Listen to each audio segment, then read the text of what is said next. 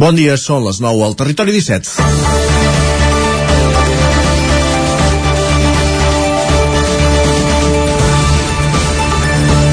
L'estat espanyol va intentar tancar la carpeta del procés independentista amb repressió i el judici i la corresponent condemna als líders polítics en va ser l'exponent. Des d'aleshores, el govern de Pedro Sánchez ha jugat a l'estratègia de dilatar el problema, entre cometes. Creien que serà la manera que les reivindicacions independentistes anirien dissolent entre el bon fer de l'exemplar, també entre cometes, democràcia espanyola. Un exemple d'aquesta dilatació és la taula de diàleg castellà, parada, i mai millor dit, sense que ningú tingui massa intenció de seure-hi quan s'intenta menys tenir un problema o fins i tot negar-lo, però no es fan esforços ingents per controlar-lo perquè tornem al plantejament inicial, el secretari és menor o inexistent. És en aquest context que no encaixa que siguin els líders independentistes els que han generat fins ara el, movi el moviment de moment més activitat d'espionatge a través del sofisticat sistema israelià Pegasus, un sistema al qual, per cert, només tenen accents als governs.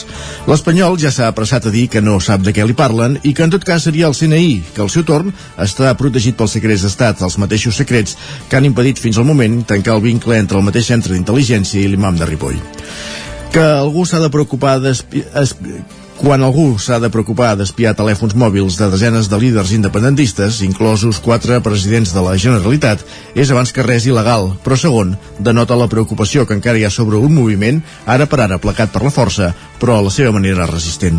I si tant preocupa, dins les democràcies hi ha sistemes més efectius per abordar-los. És clar que no sempre el resultat és el desitjat, però és el que té el sistema democràtic, el de debò. Dimarts, 19 d'abril de 2022, se'n tornem i també al territori 17 a la sintonia de Ràdio Cardedeu, Ràdio Vic, on acudinem que la veu de Sant Joan, el 9 FM i el 9 TV. Territori 17, amb Isaac Moreno i Jordi Sunyer.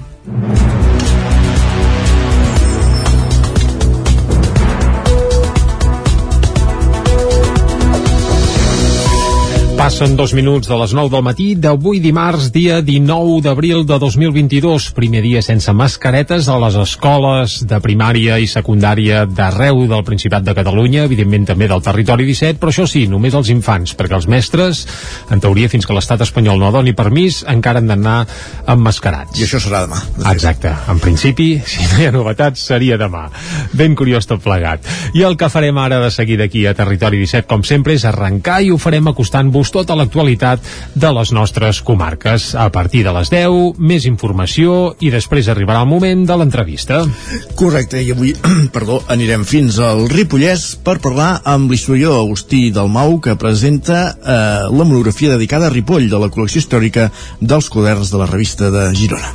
Doncs això serà cap a un quart d'onze del matí. Com sempre en companyia de l'Isaac Muntades des de la veu de Sant Joan. Evidentment, a l'entrevista a l'Agustí Dalmau amb la companyia de l'Isaac Muntades a dos quarts d'onze amb qui tindrem eh, i qui ens farà companyia serà en Guillem Sánchez, amb qui repassarem algunes piulades, tot seguit farem taula de redacció i avui excepcionalment farem després tertúlia esportiva perquè la cosa va pel Pedregà però vaja, en parlarem, Bé. com deies, la tertúlia esportiva al final de la segona hora del territori 17 ahir va haver jornada de Lliga i un equip no se'n va acabar de sortir a l'hora de sumar els 3 punts 0-1 al Camp Nou, el Barça mm -hmm. perd amb el Cádiz sí. però és que clar, ja venim de, de l'eliminació de l'Europa League de dijous en fi, etc etc etc. Ja, això de dijous va ser tot un cromo però bé, això a la tertúlia esportiva en tot cas hi sucarem una mica de, de pa a les 11 actualitzarem de nou el butlletí informatiu i tot seguit ens tocarà parlar d'economia. Amb en Joan Carles Arredondo des del 9 del Vallès Oriental el cap d'Economia per parlar dels ajuts que s'han rebut eh, o que s'han de rebre de, per la situació pandèmica des d'Europa doncs això, cap a un quart d'onze, dos, ai, de dotze, perdó, a dos quarts de dotze serà el moment de pujar a la R3, com cada dia, a la Trenc d'Alba, i tot seguit estrenarem, no el racó de pensar, que el vam no, enterrar no, per Setmana Santa, sinó el seu substitut. Estrenem secció, el territori dona, a partir d'avui, cada dimarts, una secció dedicada a la dona, en clau femenina, i feta per dones, al territori 17, liderada, com bé fèiem el racó de pensar, per la Maria López. Això avui estrena a partir de dos quarts de dotze, just després després de, del pas per l'R3. Doncs amb el, territori, amb el Territori Dona acabarem un programa que ara mateix arrenca, com sempre, fent un repàs a l'actualitat de les nostres comarques. Ja ho sabeu, les comarques del Ripollès, Osona, el Moianès i el Vallès Oriental.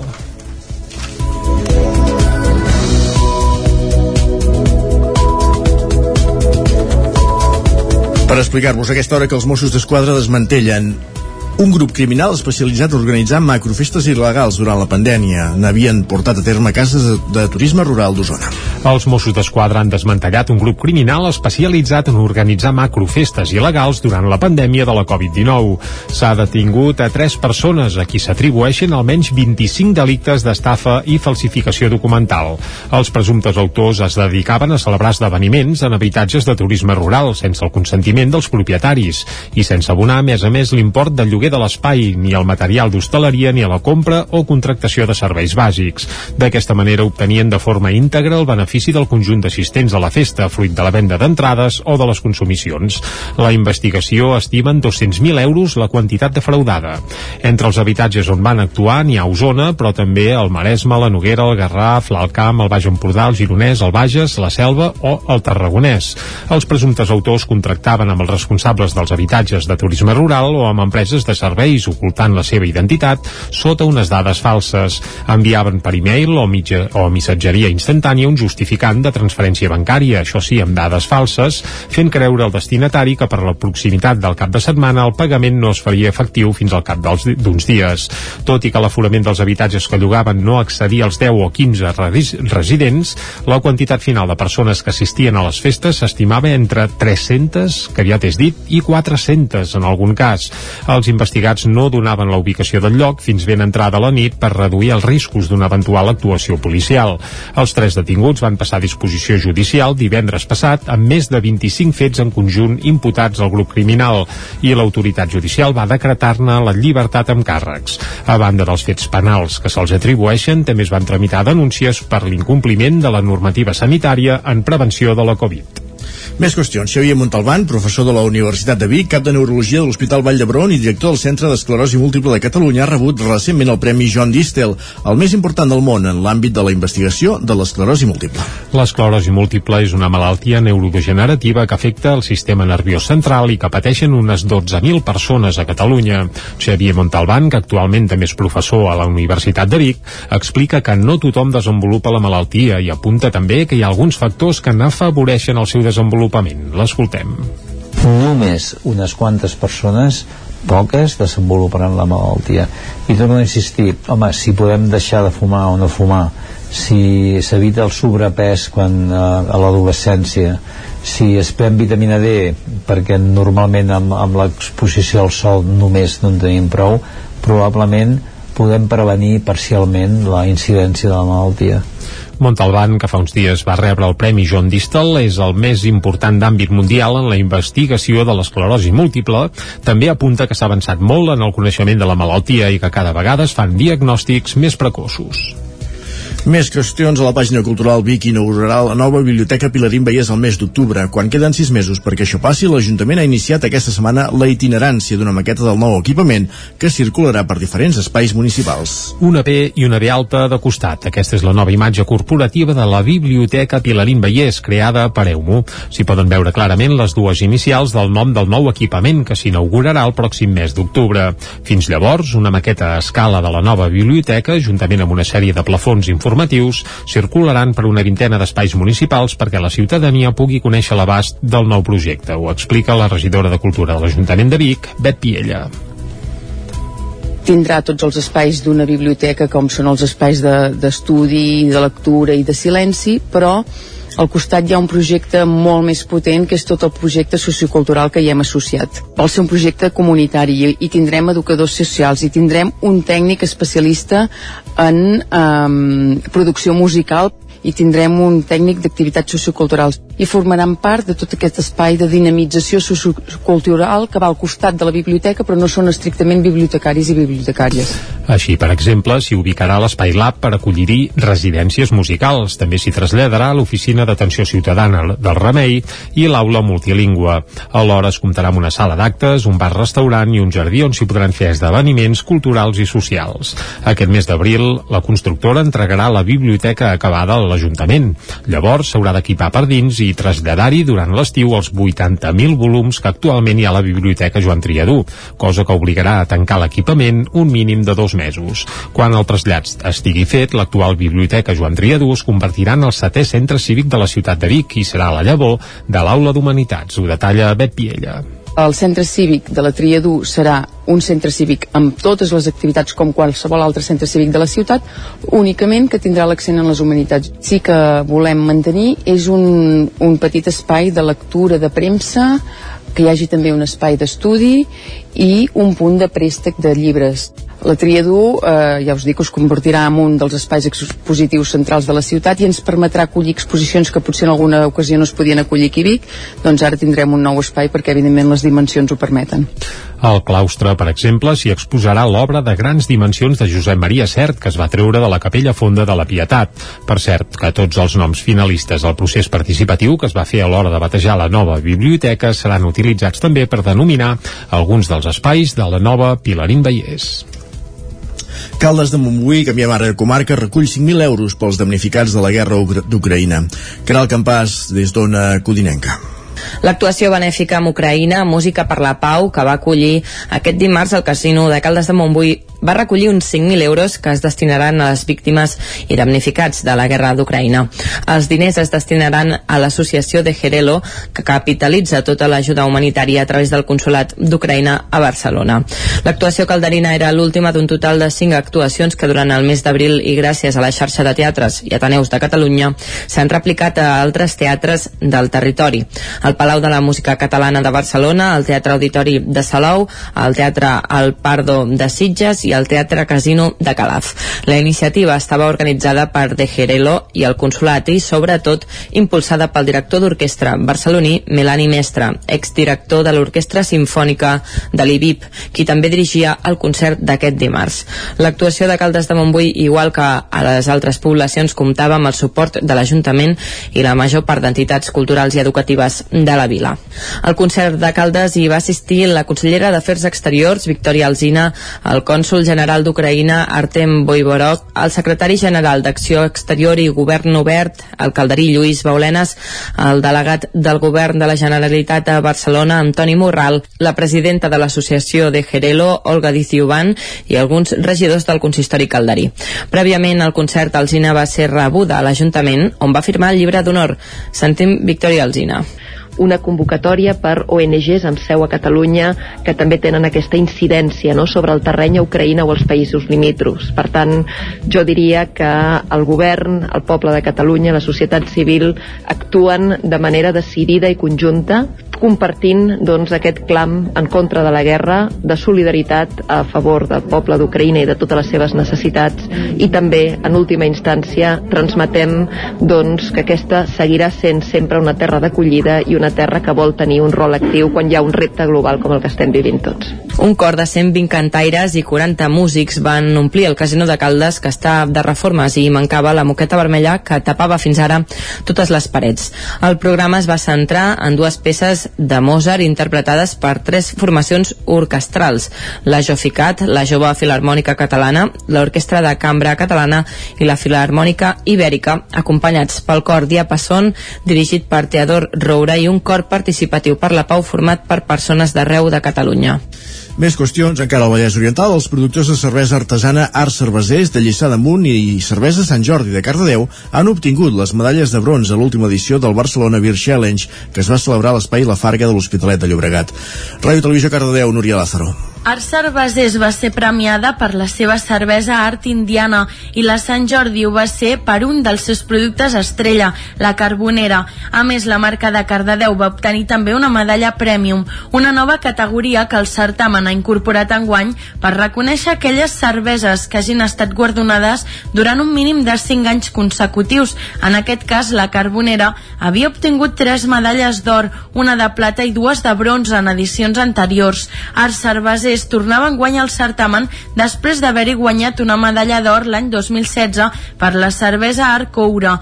El Barcelona Beer Challenge és un dels certaments més reconeguts internacionalment en l'àmbit de la cervesa artesana. A l'edició d'enguany hi han participat 1.315 cerveses fetes per 215 productors d'arreu del món. Durant la gala celebrada a l'Hospitalet de Llobregat, la firma basca Baskeland Brewing va ser reconeguda com a millor cervesera artesana del món i la italiana Líquida es va proclamar com a millor cervesera artesana novell del 2022 Prèviament, una de les proves del Barcelona Beer Challenge s'havia disputat a principis de març a la seu del Cluster Craft Beer situada a les naus de Can Malé, a Lliça d'Amunt.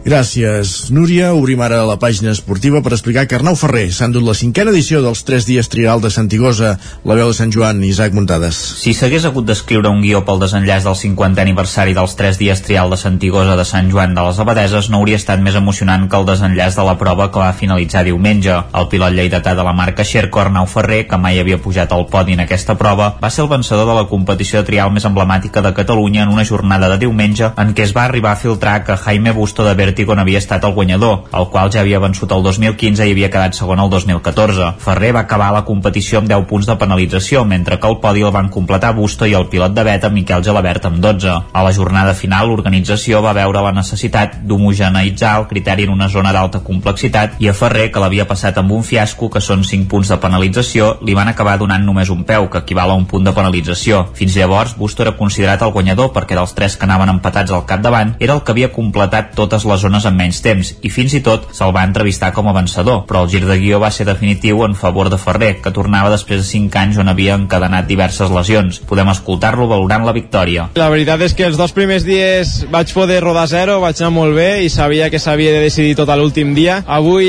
he fallat una mica més del compte i he arribat a la zona indoor que no sabia ben bé com anirien les coses i ha sigut durant la tarda pues, que anar parlant amb els pilots, anar parlant amb la gent, més o menys miràvem com acabaríem de punts i ha sigut al final doncs, que hem sapigut que, que els altres havien fallat també i que, que m'hem portat la victòria. Su, super content, un honor haver guanyat la 50a edició de, del Santigosa. Sí, sí. Aquesta edició va estar acompanyada pel bon temps i l'enorme presència de públic, sobretot a les zones més accessibles com les de Santigosa, els Pastors, la Margera i la zona indoor al poble. En la categoria femenina no va haver-hi color i Berta Bellan va guanyar amb autoritat a 120 a la general amb 63 punts de penalització. Maria Giró i Alessia Baqueta van completar el podi. Podem escoltar les seves sensacions i què creu que falta perquè les dones tinguin més reconeixement del que tenen en l'actualitat. La veritat és que he gaudit moltíssim. Crec que ha sigut l'edició que he gaudit més perquè he anat al meu rotllo i m'ho he passat superbé i quan t'ho passes bé doncs, els resultats són bons. A dia d'avui puc dir que em dedico al trial però sobrevisc i comparat amb companys meus doncs,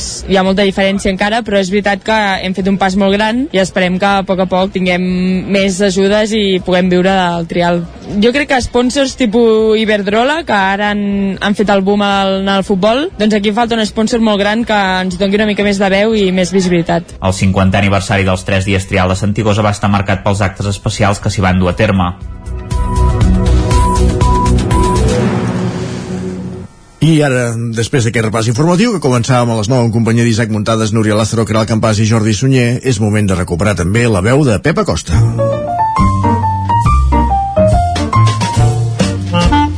Casa Terradellos us ofereix el temps. Un Pep Acosta que primer ens farà una mica de balanç d'aquesta Setmana Santa i després ja es molarà les eines per informar-nos del temps que ens espera per aquests propers dies i aquestes properes hores també, que sembla que la cosa s'enfredurirà una mica. Uh, va, Pep, molt bon dia. Molt bon dia.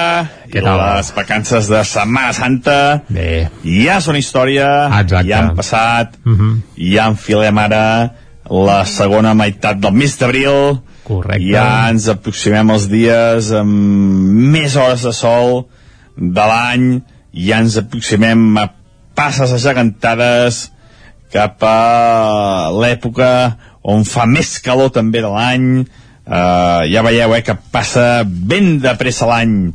Uh, si fem un resum ràpid de la Setmana Santa, uh, pel que fa al temps, podem dir que ha sigut molt, molt tranquil·la, uh, algun dia quasi estiuenca, sobretot dissabte, el dissabte Sant va ser un dia molt, molt assolellat i gairebé estiuenc, i només a destacar algunes nuvolades a les tardes i que ha fet una mica fresca a les nits, però molt poca cosa, i també a destacar eh, el contrast tèrmic entre el dia i la nit, les, les nits fresques i els dies molt, molt suaus. Eh, a destacar que també que dissabte gairebé vam arribar als 30 graus a Parets del Vallès, 29 graus, o sigui, gairebé 30.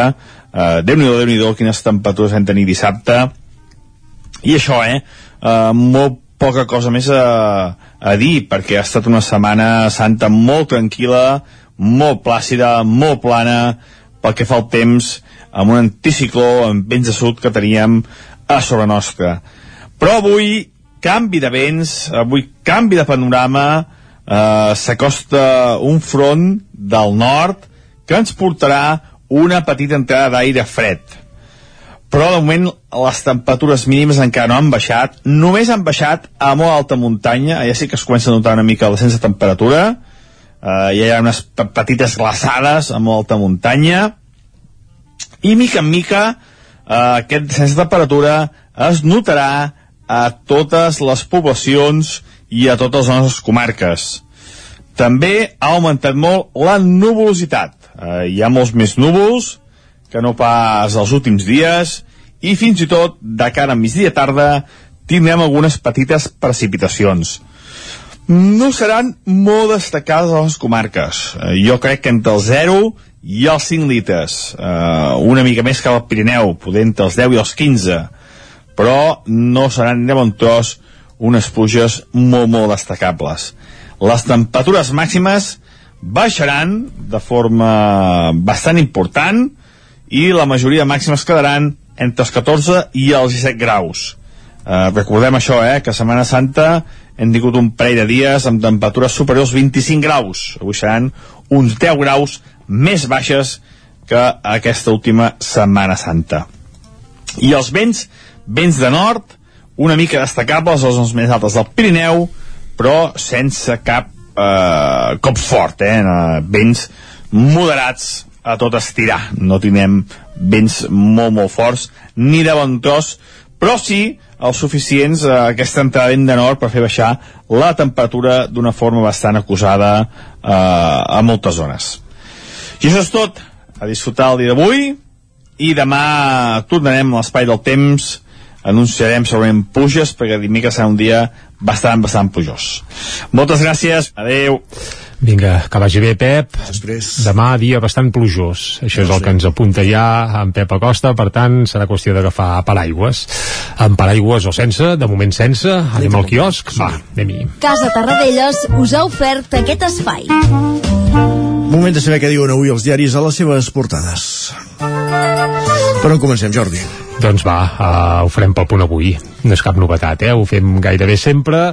I el titular és molt explícit. Espiats.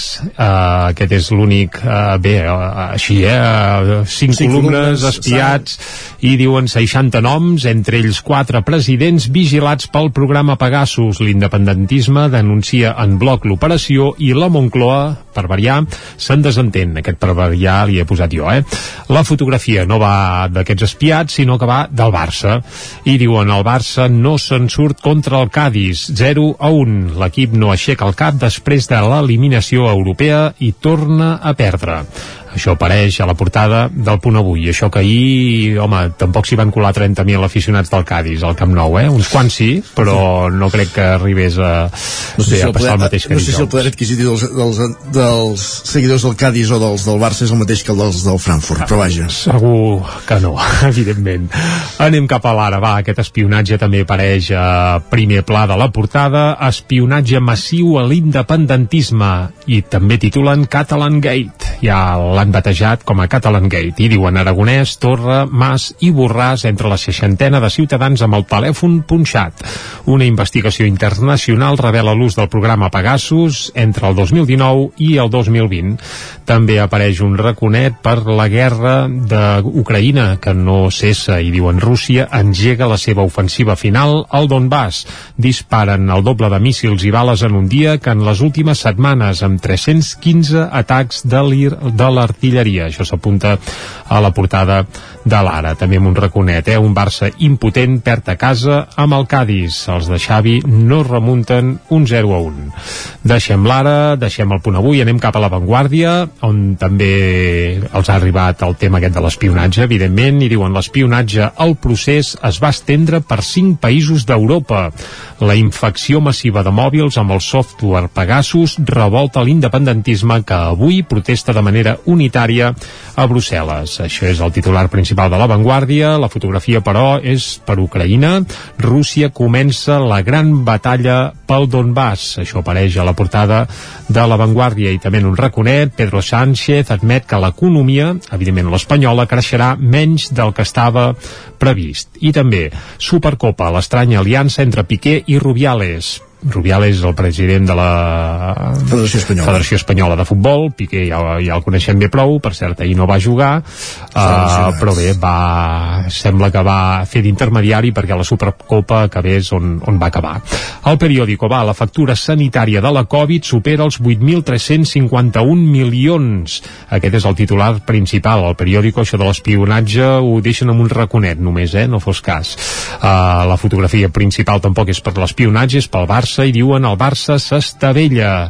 I amb un raconet sí que apareix que ha revelat un espionatge massiu a líders independentistes a través del mòbil. I Rússia intensifica els bombardejos amb els primers morts a Lviv Lviv que seria la gran capital que està tocada a Polònia que fins ara sembla que s'havia escapat una mica de les grans i principals ofensives però ja hi ha hagut morts civils. I anem ara a les portades que s'editen des de Madrid i farem un cop d'ull també, comencem com sempre pel país. Titular principal, les empreses indecises davant la fi de l'ús de la mascareta, això és el que apareix el titular principal al país, també en un raconet apareix l'espionatge, els quatre últims presidents catalans espiats amb Pegasus. Això apareix també a la portada del país. A l'ABC, el Consell d'Estat censura la llei de seguretat nacional. També Sánchez admet per fi que Espanya creixerà menys del que el govern havia previst. Aquest per fi és seu, eh? És divertit. El Mundo, la portada és per uh, Yulia Timoishenko. La Unió Europea paga la guerra que Putin lliurarà contra ella. És un suïcidi. Això apareix a la portada del Mundo. A la Razón, Feijó remetrà un pla a Sánchez de gran coalició a l'ombra. Aquest és el titular principal. I també en un raconet hi apareix que Rússia colpeja Leòpolis i comença la gran ofensiva a l'est eh, d'Ucraïna. Evidentment no apareix res d'espionatge ni a la Razón, ni de Pegasus, ni tampoc al Mundo. Què hi farem? D'aquí 3 minuts tornem ja amb sies. Fins ara. Vinga. El nou FM, la ràdio de casa, al 92.8. Has d'organitzar un esdeveniment? A l'Ineixat lloguem les cadires, taules, plats, coberts, rams de flors i tota la decoració necessària per preparar qualsevol esdeveniment. Vine a buscar material per a festes, casaments, celebracions culturals, espectacles, concerts o reunions d'empresa i de família. Ens pots venir a veure al passeig de la Generalitat número 52 Baixos de Vic, buscar-nos a les xarxes o trucar-nos al telèfon 670 38 96 25. Ah, i també ens trobaràs a Girona. A l'Ineixa tenim tot el que pots necessitar per fer-te la vida més fàcil. A la llibreria Mater hi trobaràs material escolar i d'escriptori, llibres, revistes i el millor regal. T'esperem amb una gran varietat de novel·les, llibres d'assaig, poesia, contes i moltes novetats editorials. I per anar ben equipat a l'escola tenim motxilles, estoig, carpetes, llibretes, bolígrafs i molt més. Recorda que amb la targeta client tens descomptes. A Mater ho tenim tot a punt per celebrar Sant Jordi. Reserva o compra el teu llibre i gaudeix del dia del llibre tot el mes d'abril. T'esperem. Mater, llibreters amb vocació des de 1957. Llibreria Mater. Ens trobaràs al carrer Pla de Balanyà número 23 de Vic i a mater.cat. El Racó de León ja és primavera. Gaudeix de la nostra terrassa. Vine a tastar les xuletilles de lechal a la brasa amb una bona amanida o el xuletón de vedella gallega. No et pots perdre el nostre lechado de Castilla al forn o el cochinillo a l'estil de Segovia. Tot acompanyat del millor celler, al menjador o fora la terrassa. Descobreix la millor cuina de Lleó sense moure't de casa. Vine amb la família, els amics, la parella o sol. T'encantarà. El racó de León, cuina tradicional lleonesa i de mercat. Som al carrer Torelló número 35 de Vic. Per reserves, telèfon 93 889 1950. El racó de León, una cuina diferent. Cobertes serveis funeraris. Els nostres tanatoris estan ubicats en els nuclis urbans més poblats de la comarca d'Osona per oferir un millor servei. Tanatori de Vic, Tanatori de Manlleu, Tanatori de Centelles i Tanatori de Roda de Ter. Sabem que són moments difícils i per això el nostre compromís és atendre-us en tot moment amb un tracte humà, sensible i respectuós. Cobertes serveis funeraris. Telèfon 24 hores 93 883 23 46. Anuncia't al 9FM. La màquina de casa. 9 3 8 8 9 4 9 4 9. Publicitat arroba al 9FM.cat. Anuncia't al 9FM. La publicitat més eficaç. El 9FM, el 9FM, el 9FM, el 9FM, el 9FM.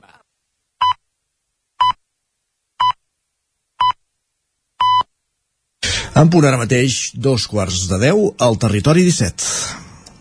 Territori 17, amb Isaac Moreno i Jordi Sunyer.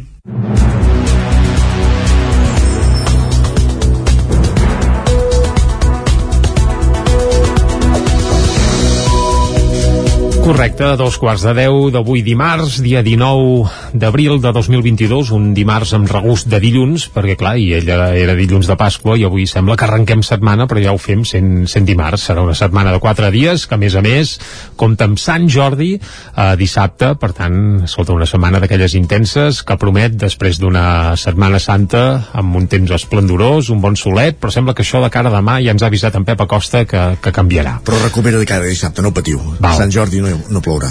Doncs vinga, si ens ho dius tu, Isaac, ja estem No, no, tranquils. Ha, d'anar així, això, no? Ja està, Esperem-ho, esperem-ho. O sigui, doncs vinga, vinga, seguir aquest guió, clar que sí. El guió per això que seguirem ara és el del Territori 17, ja us avancem que de seguida el que farem és posar-hi eh, informació de nou i actualitzar-vos i acostar-vos de nou l'actualitat de les nostres comarques. Després, abans de les 10, hi posarem música, com cada dia, i avui repescarem eh, un hit que té mig segle de vida. Carai. Uh, que hi ha alguna pista més? O bé, Deixem-ho aquí, deixem-ho deixem aquí. Va, és d'un cantautor que ja ens ha deixat, uh, malauradament. Bé, fa uns quants dies que se'n va anar de vacances, eh? Però vaja, descobrirem abans de les 10 Uns quants és. molts, fet, eh? Ah, Exacte, uns quants bastants, masses. A les 10 va, més informació, més notícies i tot seguit arribarà l'entrevista. Avui des del Ripollès, oi? Correcte, amb l'Isaac Muntades des de la veu de Sant Joan parlarem, conversarem amb l'historiador Agustí Dalmau, que ha presentat la monografia dedicada a Ripoll de la col·lecció històrica de quaderns de la revista de Girona. A dos quarts d'onze serà el moment de les piulades, després passarem per la taula de redacció i avui farem, tot seguit, una mini tertúlia esportiva. Per analitzar la situació del Barça, que és la més crítica ara mateix de, dels equips que analitzem cada dilluns, normalment al territori 17, després de perdre ahir a casa 0-1 contra el Cádiz, després de quedar eliminat de l'Europa League, i a veure com entoma aquest final de temporada amb l'únic al·licient de classificar-se per la Champions League, que no és menor, tot s'ha de dir. Evidentment. I a més, per anar bé, eh, sent primer o segon, bé, primer és molt complicat, sent segon per eh, evitar-se, bé, tant és. Problemes, Ah, exacte, va. Més coses, a les 11 actualitzarem de nou butlletí informatiu i tot seguit, com que som dimarts, ens tocarà parlar d'economia. Amb en Joan Carles Arredondo, des del 9-9 del Vallès Oriental, i avui per parlar dels ajuts europeus a la situació pandèmica. A dos quarts de dotze serà un moment com cada dia de pujar a la R3, a la Trenc d'Alba, i avui acabarem Estrenem. el programa d'estrena, exacte. Territori Dona, oi? Isaac? Correcte, així és com s'anomena la nova secció en clau de dona que cada dimarts a la recta final del programa a partir de dos quarts de dotze ens acompanyarà i encapçalada per la Maria López i amb, les veu, amb diferents veus femenines de, del territori 17. Les anirem coneixent mica en mica. Doncs això serà la part final d'un programa que ara segueix, com sempre, i ho fa acostant-vos l'actualitat de les nostres comarques. Ja ho sabeu, les comarques del Ripollès, Osona, el Moianès i el Vallès Oriental.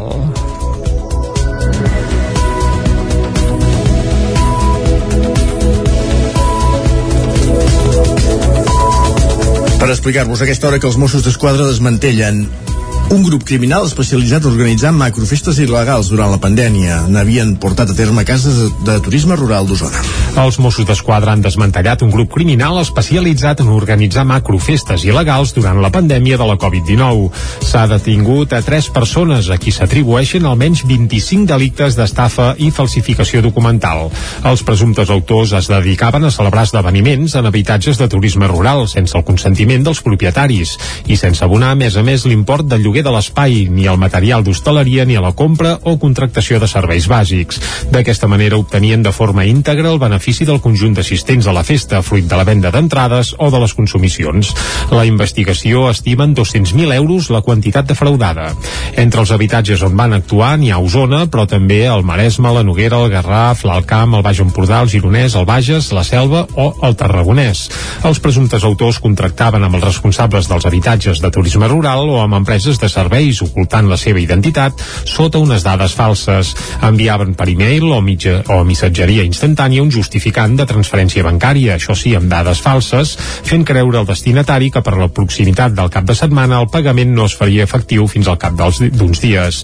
Tot i que l'aforament dels habitatges que llogaven no accedia als 10 o 15 residents, la quantitat final de persones que assistien a les festes s'estimava entre 300, que ja t'has dit, i 400 en algun cas.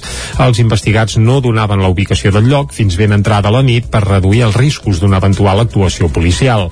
Els tres detinguts van passar a disposició judicial divendres passat amb més de 25 fets en conjunt imputats al grup criminal i l'autoritat judicial va decretar-ne la llibertat amb càrrecs. A banda dels fets penals que se'ls atribueixen, també es van tramitar denúncies per l'incompliment de la normativa sanitària en prevenció de la Covid. Més qüestions. Xavier Montalbán, professor de la Universitat de Vic, cap de Neurologia de l'Hospital Vall d'Hebron i director del Centre d'Esclerosi Múltiple de Catalunya, ha rebut recentment el Premi John Distel, el més important del món en l'àmbit de la investigació de l'esclerosi múltiple.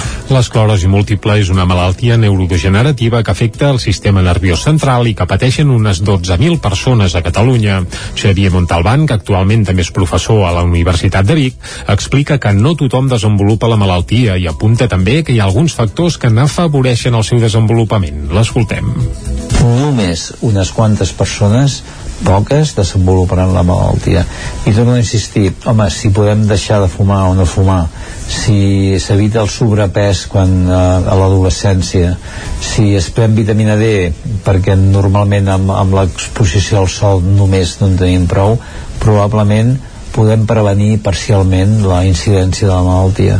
Montalbán, que fa uns dies va rebre el Premi John Distel, és el més important d'àmbit mundial en la investigació de l'esclerosi múltiple. També apunta que s'ha avançat molt en el coneixement de la malaltia i que cada vegada es fan diagnòstics més precoços. Més qüestions a la pàgina cultural Vic inaugurarà la nova biblioteca Pilarín Vallès al mes d'octubre. Quan queden sis mesos perquè això passi, l'Ajuntament ha iniciat aquesta setmana la itinerància d'una maqueta del nou equipament que circularà per diferents espais municipals. Una P i una B alta de costat. Aquesta és la nova imatge corporativa de la Biblioteca Pilarín Vallès, creada per EUMU. S'hi poden veure clarament les dues inicials del nom del nou equipament que s'inaugurarà el pròxim mes d'octubre. Fins llavors, una maqueta a escala de la nova biblioteca, juntament amb una sèrie de plafons informatius circularan per una vintena d'espais municipals perquè la ciutadania pugui conèixer l'abast del nou projecte. Ho explica la regidora de Cultura de l'Ajuntament de Vic, Bet Piella tindrà tots els espais d'una biblioteca com són els espais d'estudi, de, de lectura i de silenci, però al costat hi ha un projecte molt més potent que és tot el projecte sociocultural que hi hem associat. Vol ser un projecte comunitari i, tindrem educadors socials i tindrem un tècnic especialista en um, producció musical i tindrem un tècnic d'activitats socioculturals i formaran part de tot aquest espai de dinamització sociocultural que va al costat de la biblioteca però no són estrictament bibliotecaris i bibliotecàries. Així, per exemple, s'hi ubicarà l'Espai Lab per acollir-hi residències musicals. També s'hi traslladarà l'Oficina d'Atenció Ciutadana del Remei i l'Aula Multilingüe.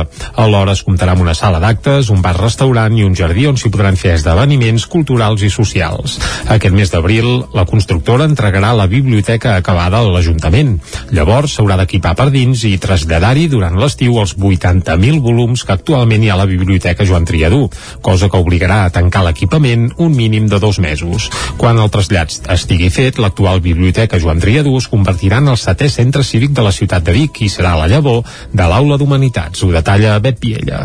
El centre cívic de la Triadú serà un centre cívic amb totes les activitats com qualsevol altre centre cívic de la ciutat, únicament que tindrà l'accent en les humanitats. Sí que volem mantenir és un, un petit espai de lectura de premsa, que hi hagi també un espai d'estudi i un punt de préstec de llibres. La Triadú, eh, ja us dic, us convertirà en un dels espais expositius centrals de la ciutat i ens permetrà acollir exposicions que potser en alguna ocasió no es podien acollir aquí a Vic, doncs ara tindrem un nou espai perquè evidentment les dimensions ho permeten. Al claustre, per exemple, s'hi exposarà l'obra de grans dimensions de Josep Maria Cert, que es va treure de la capella fonda de la Pietat. Per cert, que tots els noms finalistes al procés participatiu que es va fer a l'hora de batejar la nova biblioteca seran utilitzats també per denominar alguns dels espais de la nova Pilarín Vallès. Caldes de Montbui, canviem ara de comarca, recull 5.000 euros pels damnificats de la guerra d'Ucraïna. Caral Campàs, des d'Ona Codinenca. L'actuació benèfica amb Ucraïna, Música per la Pau, que va acollir aquest dimarts al casino de Caldes de Montbui, va recollir uns 5.000 euros que es destinaran a les víctimes i damnificats de la guerra d'Ucraïna.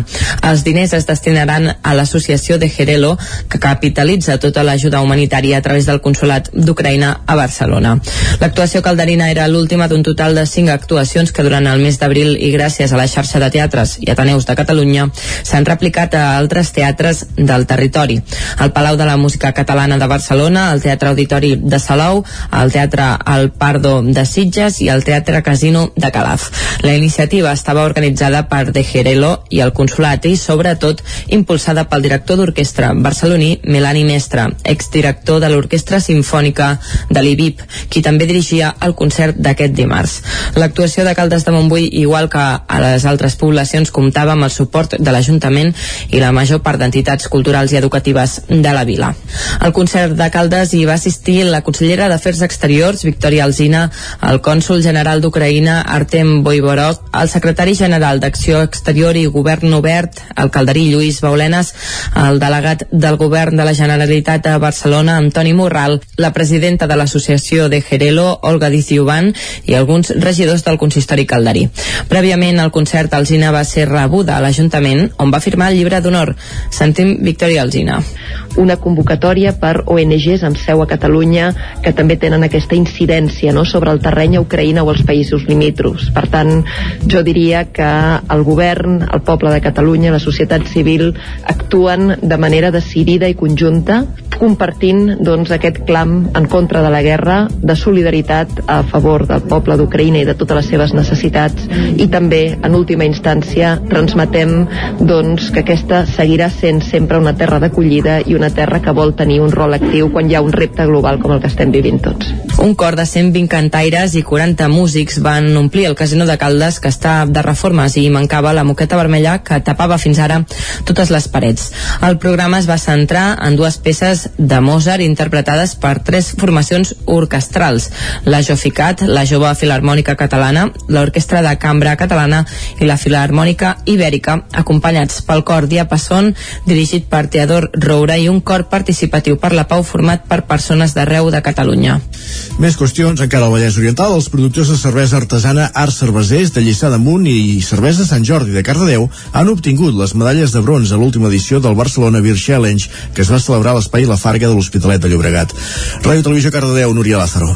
Art Cervesers va ser premiada per la seva cervesa Art Indiana i la Sant Jordi ho va ser per un dels seus productes estrella, la Carbonera. A més, la marca de Cardedeu va obtenir també una medalla Premium, una nova categoria que el certamen ha incorporat enguany per reconèixer aquelles cerveses que hagin estat guardonades durant un mínim de 5 anys consecutius. En aquest cas, la Carbonera havia obtingut tres medalles d'or, una de plata i dues de bronze en edicions anteriors. Art Cervesers Cervesers tornava en guany al certamen després d'haver-hi guanyat una medalla d'or l'any 2016 per la cervesa Arcoura. El Barcelona Beer Challenge és un dels certamens més reconeguts internacionalment en l'àmbit de la cervesa artesana. A l'edició d'enguany hi han participat 1.315 cerveses fetes per 215 productors d'arreu del món. Durant la gala celebrada a l'Hospitalet de Llobregat, la firma basca Baskeland Brewing va ser reconeguda com a millor cervesera artesana del món i la italiana Líquida es va proclamar com a millor cervesera artesana novell del 2022. Prèviament, una de les proves del Barcelona Beer Challenge s'havia disputat a principis de març a la seu del Cluster Craft Beer situada a les naus de Can Malé, a Lliçà d'Amunt.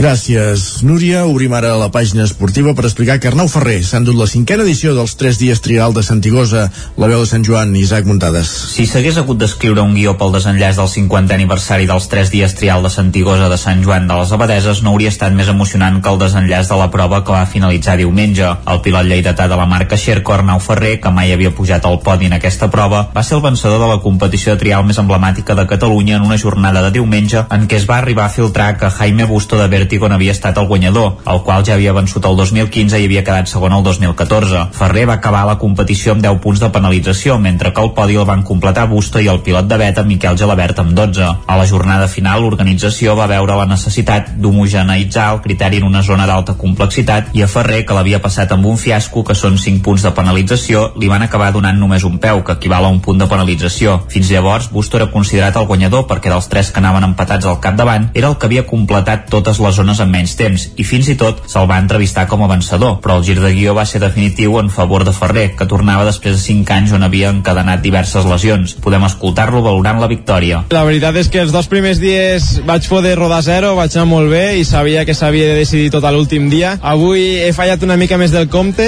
i he arribat a la zona indoor que no sabia ben bé com anirien les coses i ha sigut durant la tarda pues, que anar parlant amb els pilots, anar parlant amb la gent, més o menys miràvem com acabaríem de punts i ha sigut al final doncs, que hem sapigut que, que els altres havien fallat també i que, que m'hem portat la victòria. Super content, un honor haver guanyat la cinquantena edició de, del Santigosa. Sí, sí. Aquesta edició va estar acompanyada pel bon temps i l'enorme presència de públic, sobretot a les zones més accessibles com les de Santigosa, els Pastors, la Margera i la zona indoor al poble. En la categoria femenina no va haver-hi color i Berta Bellan va guanyar amb autoritat a 120 a la general amb 63 punts de penalització. Maria Giró i Alessia Baqueta van completar el podi. Podem escoltar les seves sensacions i què creu que falta perquè les dones tinguin més reconeixement del que tenen en l'actualitat. La veritat és que he gaudit moltíssim. Crec que ha sigut l'edició que he gaudit més perquè he anat al meu rotllo i m'ho he passat superbé i quan t'ho passes bé doncs, els resultats són bons. A dia d'avui puc dir que em dedico al trial però sobrevisc i comparat amb companys meus doncs, hi ha molta diferència encara però és veritat que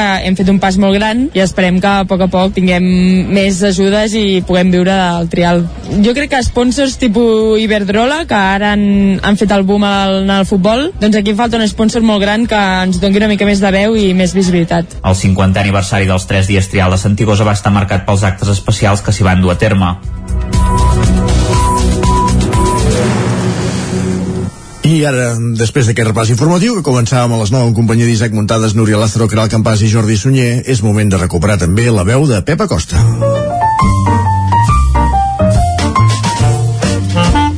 Casa Terradellos us ofereix el temps. Un Pep Acosta que primer ens farà una mica de balanç d'aquesta Setmana Santa i després ja es molarà les eines per informar-nos del temps que ens espera per aquests propers dies i aquestes properes hores també, que sembla que la cosa s'enfredurirà una mica. Uh, va, Pep, molt bon dia. Molt bon dia. Què tal? Les vacances de Setmana Santa Bé. ja són història, Exacte. ja han passat, Uh -huh. ja enfilem ara la segona meitat del mes d'abril, Correcte. ja ens aproximem als dies amb més hores de sol de l'any, ja ens aproximem a passes agegantades cap a l'època on fa més calor també de l'any, uh, ja veieu eh, que passa ben de pressa l'any. Uh, si fem un resum ràpid de la Setmana Santa, uh, pel que fa al temps, podem dir que ha sigut molt, molt tranquil·la, uh, algun dia quasi estiuenca, sobretot dissabte, el dissabte Sant va ser un dia molt, molt assolellat i gairebé estiuenc, i només a destacar algunes nuvolades a les tardes i que ha fet una mica fresca a les nits, però molt poca cosa, i també a destacar eh, el contrast tèrmic entre el dia i la nit, les, les nits fresques i els dies molt, molt suaus. Eh, a destacar que també que dissabte gairebé vam arribar als 30 graus a Parets del Vallès, 29 graus, o sigui, gairebé 30. Uh, Déu-n'hi-do, déu nhi déu quines temperatures vam tenir dissabte. I això, eh? Uh, molt poca cosa més a, a dir, perquè ha estat una setmana santa molt tranquil·la, molt plàcida, molt plana, pel que fa al temps, amb un anticicló en vents de sud que teníem a sobre nostra. Però avui, canvi de vents, avui canvi de panorama, eh, s'acosta un front del nord que ens portarà una petita entrada d'aire fred. Però de moment les temperatures mínimes encara no han baixat, només han baixat a molt alta muntanya, allà sí que es comença a notar una mica el descens de temperatura, eh, hi ha unes petites glaçades a molt alta muntanya, i mica en mica eh, aquest descens de temperatura es notarà a totes les poblacions i a totes les nostres comarques. També ha augmentat molt la nuvolositat. Eh, hi ha molts més núvols que no pas els últims dies i fins i tot de cara a migdia tarda tindrem algunes petites precipitacions. No seran molt destacades a les comarques. Eh, jo crec que entre el 0 i els 5 litres. Eh, una mica més que al Pirineu, poder entre els 10 i els 15. Però no seran ni de bon tros unes pluges molt, molt destacables. Les temperatures màximes baixaran de forma bastant important i la majoria màximes quedaran entre els 14 i els 17 graus. Eh, recordem això, eh, que Setmana Santa hem tingut un parell de dies amb temperatures superiors als 25 graus. Avui seran uns 10 graus més baixes que aquesta última Setmana Santa. I els vents, vents de nord, una mica destacables, les zones més altes del Pirineu, però sense cap eh, cop fort, eh? Vents moderats a tot estirar. No tindrem vents molt, molt forts, ni de bon tros, però sí els suficients a aquesta entrada de nord per fer baixar la temperatura d'una forma bastant acusada eh, a moltes zones. I això és tot. A disfrutar el dia d'avui i demà tornarem a l'espai del temps anunciarem segurament puges perquè dimecres serà un dia bastant, bastant pujós. Moltes gràcies, adeu. Vinga, que vagi bé, Pep. Després. Demà dia bastant plujós. Això és el que ens apunta ja en Pep Acosta, per tant, serà qüestió d'agafar paraigües. Amb paraigües o sense, de moment sense, anem al quiosc. Va, anem-hi. Casa Tarradellas us ha ofert aquest espai. Moment de saber què diuen avui els diaris a les seves portades. Per on comencem, Jordi? Doncs va, uh, ho farem pel punt avui. No és cap novetat, eh? Ho fem gairebé sempre. I el titular és molt explícit. Espiats. Uh, aquest és l'únic... Uh, bé, uh, així, eh? Uh, cinc, cinc columnes, columnes espiats. I diuen 60 noms, entre ells quatre presidents vigilats pel programa Pegasus. L'independentisme denuncia en bloc l'operació i la Moncloa, per variar, se'n desentén. Aquest per variar li he posat jo, eh? La fotografia no va d'aquests espiats, sinó que va del Barça. I diuen, el Barça no se'n surt contra el Cádiz, 0 a 1. L'equip no aixeca el cap després de l'eliminació europea i torna a perdre.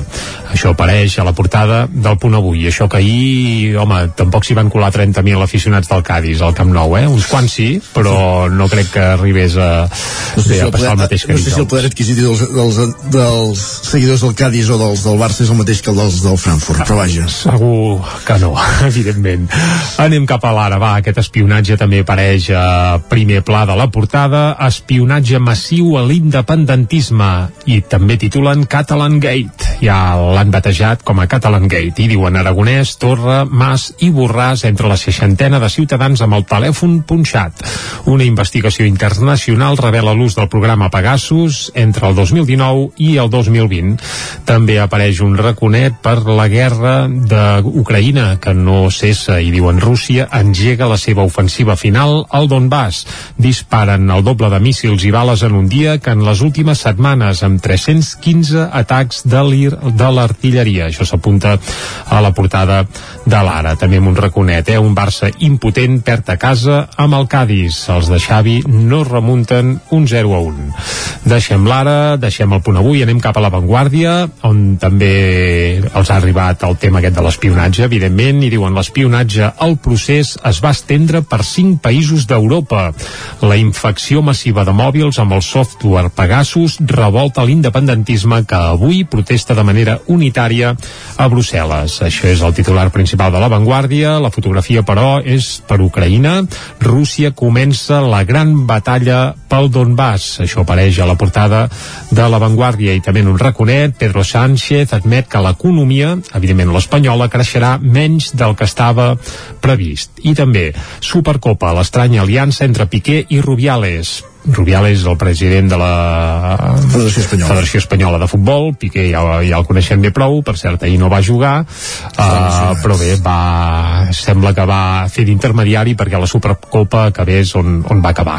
El periòdico va, la factura sanitària de la Covid supera els 8.351 milions. Aquest és el titular principal. El periòdico, això de l'espionatge, ho deixen amb un raconet només, eh? no fos cas. Uh, la fotografia principal tampoc és per l'espionatge, és pel Barça, i diuen el Barça s'estavella. I amb un raconet sí que apareix que ha revelat un espionatge massiu a líders independentistes a través del mòbil. I Rússia intensifica els bombardejos amb els primers morts a Lviv. Lviv, que seria la gran capital que està tocada a Polònia, que fins ara sembla que s'havia escapat una mica de les grans i principals ofensives, però ja hi ha hagut morts civils. I anem ara a les portades que s'editen des de Madrid i farem un cop d'ull també, comencem com sempre pel país. Titular principal, les empreses indecises davant la fi de l'ús de la mascareta, això és el que apareix el titular principal al país, també en un raconet apareix l'espionatge, els quatre últims presidents catalans espiats amb Pegasus. Això apareix també a la portada del país, a l'ABC el Consell d'Estat censura la llei de seguretat nacional. També Sánchez admet per fi que Espanya creixerà menys del que el govern havia previst. Aquest per fi és seu, eh? És divertit. El Mundo, la portada és per uh, Yulia Timoishenko. La Unió Europea paga la guerra que Putin lliurarà contra ella. És un suïcidi. Això apareix a la portada del Mundo. A la Razón, Feijó remetrà un pla a Sánchez de gran coalició a l'ombra. Aquest és el titular principal. I també en un raconet hi apareix que Rússia colpeja Leòpolis i comença la gran ofensiva a l'est eh, d'Ucraïna. Evidentment no apareix res d'espionatge ni a la Razón, ni de Pegasus, ni tampoc al Mundo. Eh, Exacte, no hi apareix res acabar d'aquestes portades, però això ja no és cap sorpresa només faltaria el que seria una sorpresa seria precisament que se'n fessin gaire ressò però, no, no, ni, però bé. ni, els, ni la premsa espanyola ni, ni el govern espanyol de fet pràcticament eh? tot i que cal dir que en l'àmbit europeu sí que, que apareix i que ha tingut força ressò a la notícia i veurem, a més a més avui eh, aquest matí s'ha de fer un acte des de Brussel·les en, on per, precisament per denunciar-ho també i fer-ho saber a la gran massa veurem què acaba passant amb tot plegat perquè jo ho trobo d'una gravetat espectacular és, perquè clar, i- estem parlant de, de fets delictius Correcte. és a dir, això és un delicte, no es pot espiar eh, perquè sí, punxar mòbils sense ordres judicials, bé, és que és, és, és gravíssim. segurament És aquí fort. ens en farem ressò i no passarà d'aquí més enllà de llavors del recorregut judicial que pugui arribar a tenir això és, que és un altre tema Ah, I mentre eh, l'estat espanyol, el govern almenys, també se'n renta les mans, saps? Dius, escolta, Sí, sí, si CNI. Pegasus només ho pot comprar a un estat, un particular, no pot anar allà a Israel i dir, ah, compro això, que no sé què, que pim-pam-pum. Bé, uh, deixem aquest detall, bé, no detall, sinó deixem aquest, aquesta bomba, aquest afer, aquest, uh, aparquem-lo i dediquem-nos a la música, que aquí sí que hi tenim una mica més de, de traça i aquí no hi ha, bé, no hi ha tantes giragonses. I avui escoltarem uh, una peça d'un disc que precisament Uh, va fer anys per Setmana Santa. Clar, cada any es mou la Setmana Santa eh? per tant no podem dir que avui fa 50 anys però sí que per la Setmana Santa de l'any 1972 es va editar un Entretants. Era un disc de l'Ovidi Mundó aquest uh, conegudíssim cantautor uh, del País Valencià que ens va deixar ja fa molt de temps. Ell deia que se'n anava de vacances tenia un càncer, eh, s'ho veia venir i ell mateix amb el seu esmolat sentit de l'humor doncs uh, això, sovint apuntava aquestes coses i avui el que farem per recordar-lo homenatjar-lo i també per escolta, amenitzar i il·lustrar i enllaminar les nostres orelles és escoltar una de les seves peces més divertides. Perquè sí. Perquè sí, perquè vull perquè vull es titulava aquesta peça Eterna, que aquests dies ha complert mig segle de vida. Escolteu bé sobretot la lletra perquè no té pèrdua. Perquè volem avui Ovidi, vinga. Tinc ganes de tenir vaig dir-li de tapar-la perquè vull perquè tinc ganes d'ajudar. Va dir-me encantada perquè vull perquè tinc ganes d'encantar. Arrapar-se a mi perquè vull perquè tinc ganes d'estimar. Vam viure un món preciós perquè vull perquè tinc ja ganes de viure. Després varem parlar perquè vull, perquè tinc ganes de parlar. Vam volar pel món perquè vull, perquè tinc ganes de volar. Vam sentir un món nou perquè vull, perquè no m'agrada aquest.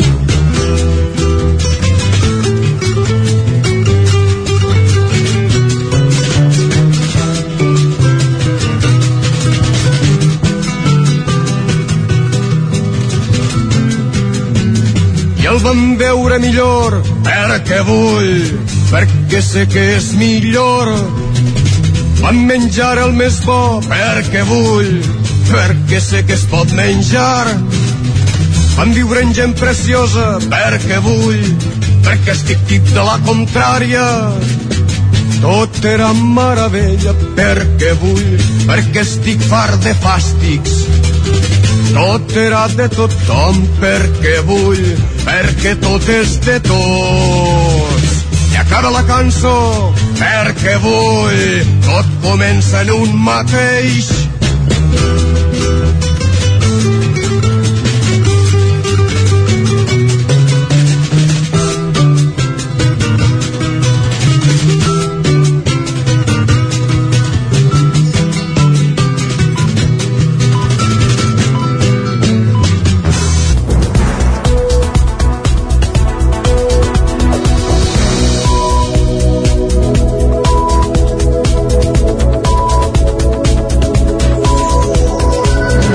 Dimarts 19 d'abril de 2022, moment al territori 17 d'actualitzar-nos, de posar-nos al dia amb les notícies més destacades de les nostres comarques, el Vallès Oriental, el Moianès, Osona i el Ripollès, i ho fem en connexió amb les diferents emissores que cada dia fan possible aquest programa.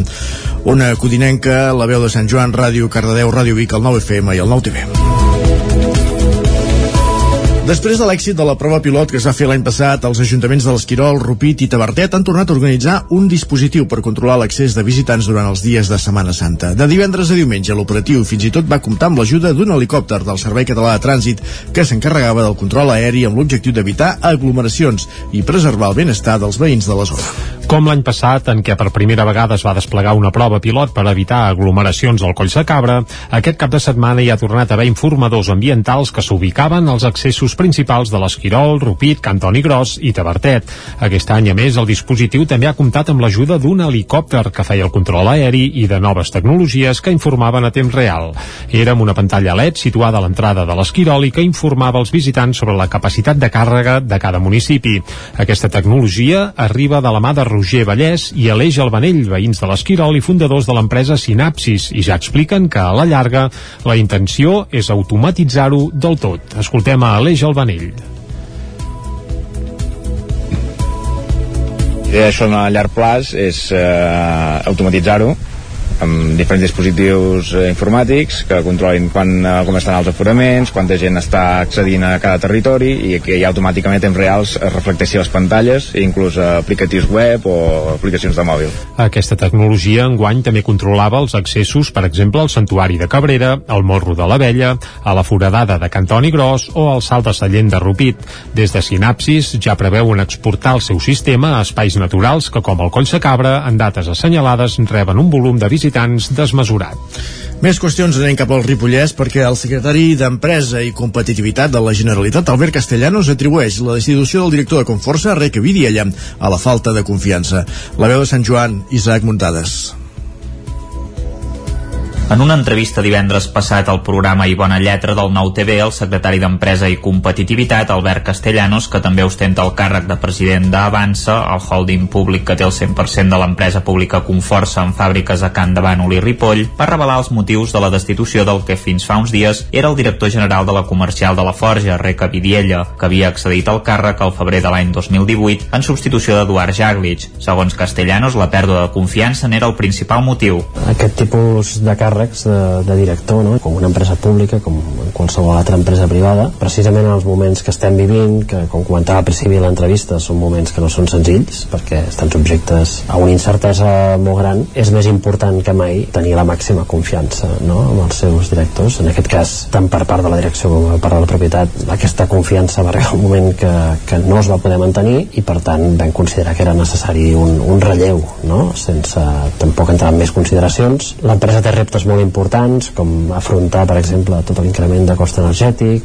l'assegurament de nous proveïdors i, i creiem que valia la pena impulsar un nou relleu que ens agradaria que fos aprofitant tot el saber fer i tota l'experiència d'un equip directiu que és d'altíssim nivell perquè si no no s'haguessin pogut aconseguir els resultats que s'ha aconseguit des del 2017. No? Castellanos va revelar que ja tenen clar qui serà el relleu de Vidiella i l'anunciaran en les pròximes setmanes, un cop l'aprovi el Consell d'Administració. Segons apunta el diari El 9-9, l'antic director s'ha senyit a les paraules de Castellanos i també ha atribuït la seva sortida al trencament de la confiança entre les dues parts, un distanciament que s'hauria gestat de forma progressiva en els últims mesos. L'acomiadament de Vidiella ara fa uns dies va agafar per sorpresa a tothom, sobretot després que Conforça hagués tancat el seu millor exercici en els últims 15 anys amb uns beneficis de 2,1 milions d'euros, tot i l'increment dels costos de l'energia. L'empresa també va registrar unes vendes per un import de 57 milions d'euros i per aquest 2022 es preveia augmentar la facturació al voltant d'un 14%, que suposaria situar-se en 78 milions d'euros.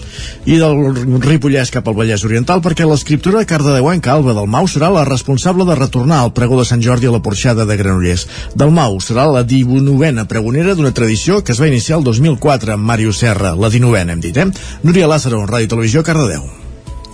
L'autora de Cardedeu pronunciarà el pregó divendres a dos quarts de vuit a la plaça de la Porxada de Granollers, fet que ja representarà un canvi en relació al de l'any passat que es va haver de seguir a través de streaming a causa de les restriccions vigents en aquell moment. Dalmau va publicar la seva primera novel·la el 2011, Bonlens, que acaba ser mereixedora del Premi Recull de Blanes. I a continuació van seguir bategant Premi Vila de l'Ametlla de Mar, el recull de contes estàndards, 28è Premi Literari Vila d'Escó, El camí dels esbarzers i Amor i nou, publicada al febrer de l'any passat. També és coautora de tres llibres d'artista que combinen literatura i fotografia, on només hi havia un far, estrena i Cuba. I l'any passat es va estrenar en el camp de la literatura infantil amb l'àlbum il·lustrat capgirat amb la il·lustradora també cardedeuenca Cinta Vidal. Actualment és professora d'escriptura creativa al Laboratori de Lletres de Barcelona. La tradició del pregoner de Sant Jordi a Granollers es va iniciar el 2004 amb Màrius Serra com a convidat. Des d'aleshores, les 19 edicions s'han caracteritzat per un equilibri entre sexes i han participat 10 homes i 9 dones i un protagonisme destacat dels autors i autores estretament vinculats a la ciutat o a la comarca, en detriment de noms forans o de caràcter més mediàtic. Ja es coneix el cartell complet del Festival Bioritme que es farà del 25 al 28 d'agost a la zona esportiva de Torelló. Els noms ja anunciats de boicot o roba estesa s'hi sumen bandes com els holandesos Bastocas, les usonenques Six Sisters o les gallegues Tanxugueires, conegudes perquè van estar a punt de representar l'estat espanyol a Eurovisió. La vuitena edició del Festival Bioritme comptarà amb un cartell paritari de luxe amb més de 35 artistes nacionals i internacionals. La graella completa es va fer pública aquest llarg cap de setmana i els noms ja coneguts de boicot o roba estesa cal sumar-hi ara les propostes de Xavi Sarrià, ex-líder d'Obrim Pas, Ciutat Jara, els holandesos Basocas, els portuguesos Olive Tridans o les gallegues Tanxugueires, molt conegudes arran del seu pas per un programa televisiu on van estar a punt de guanyar i representar l'estat espanyol al Festival d'Eurovisió que es farà aquest proper mes de maig. Al final, però, la proposta de les gallegues no va seduir el jurat, però podrà seduir a qui s'acosti al bioritme, que aquest any deixa la riba del Pantà de Sau per instal·lar-se a la zona esportiva de Torelló. També passaran pel festival Auxili, Adala, el Poni Pissador, Tremenda Jauria, Tribade, Coers o Sense Sal, i propostes també amb segell usonenc, com els, les del senyor Roberto o les Seis Sisters.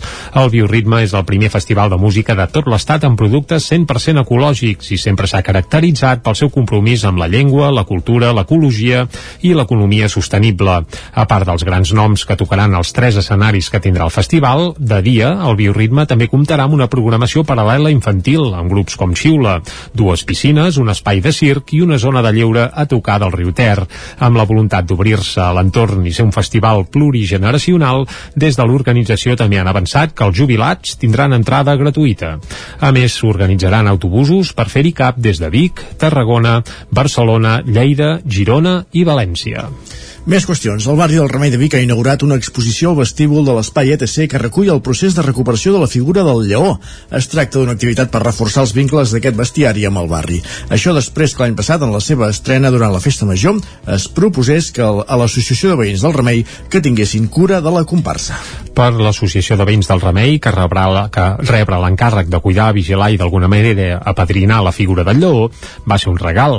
S'estrenava l'any passat en plena festa major pel seguici solemne, inspirada en un esbós d'un antecedent del segle XVII, localitzat per Roger Albert. Aquests dies ja llueix a les portes de l'ETC de Vic, on per reforçar el vincle amb el seu barri s'hi ha inaugurat una exposició, un recull d'imatges i documents del procés de creació de la figura del lleó. Ho detalla Bet Piella, que és regidora de Cultura de Vic. des de l'Associació de Veïns i Veïnes del Remei fan una gran feina no només pel que fa al lleó, sinó fan molta feina de cohesió, de barri, de serveis comunitaris i el lleó és una figura més per ajudar a tota aquesta feina Els veïns han entomat la figura amb orgull i tot i el caràcter ferotge del personatge creuen que és una figura molt propera.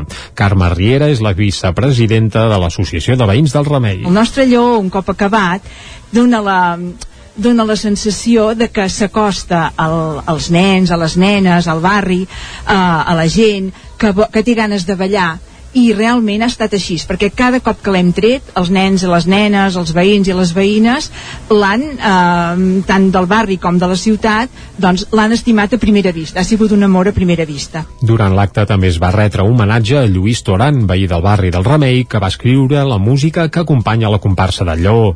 L'associació de veïns segueix buscant portadors i portadores de la figura que representin la diversitat cultural del barri. I més qüestions, la secció de rugby de l'Ateneu al centre de Caldes de Montbui organitza la segona edició del concurs de microrelats aquest esport, sobre aquest esport.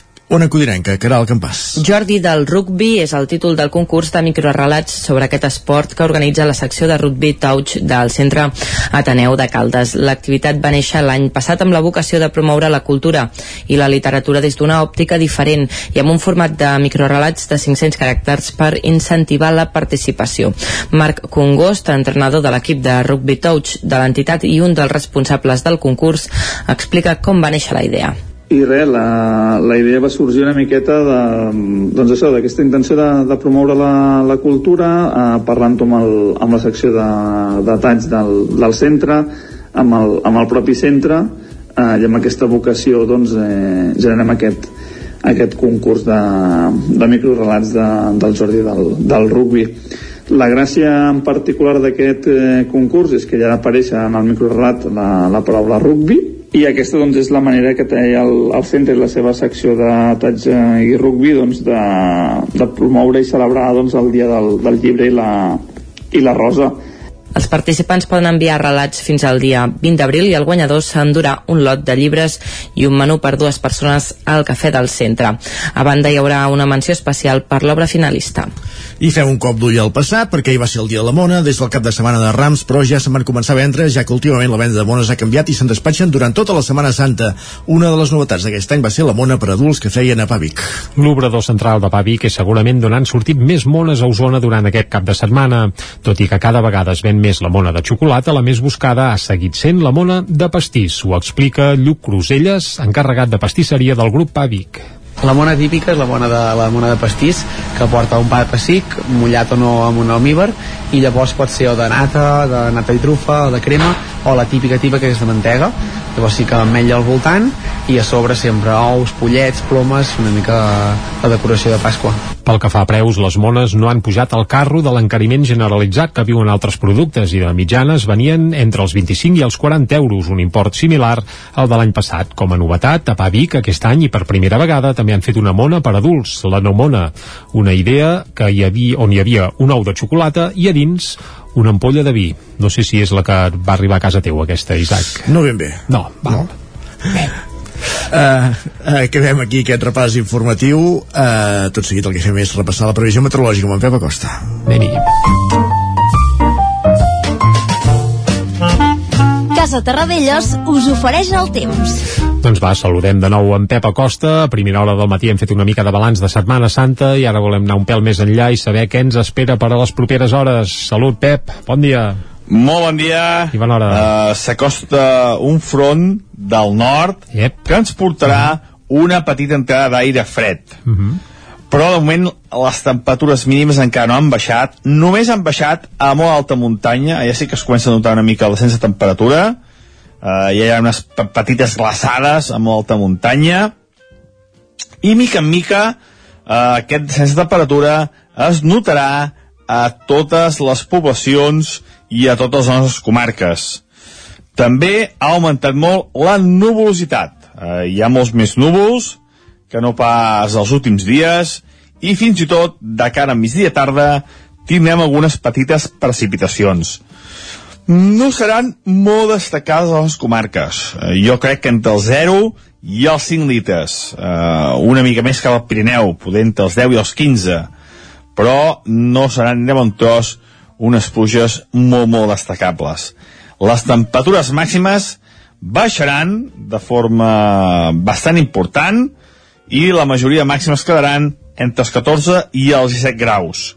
Eh, recordem això, eh, que Setmana Santa hem tingut un parell de dies amb temperatures superiors als 25 graus. Avui seran uns 10 graus més baixes que aquesta última Setmana Santa.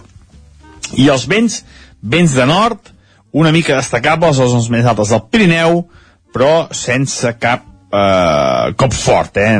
Vents moderats a tot estirar. No tindrem vents molt, molt forts, ni de bon tros, però sí els suficients a aquesta entrada de nord per fer baixar la temperatura d'una forma bastant acusada eh, a moltes zones. I això és tot. A disfrutar el dia d'avui i demà tornarem a l'espai del temps anunciarem segurament pluges perquè dimecres serà un dia bastant, bastant plujós. Moltes gràcies, fins demà. Adeu. Fins demà, gràcies a tu. Demà pluja, eh? Uh, bé, doncs demà per, per aigua, cap problema. Si ens avisa en Pep, això ho farem, agafar-lo, perquè de l'encert de sempre. I el que fem ara és anar cap a l'entrevista. Anem-hi, va. Casa Tarradellas us ha ofert aquest espai. Territori 17. Envia'ns les teves notes de veu per WhatsApp al 646 079 023. 646 079 023. WhatsApp Territori 17.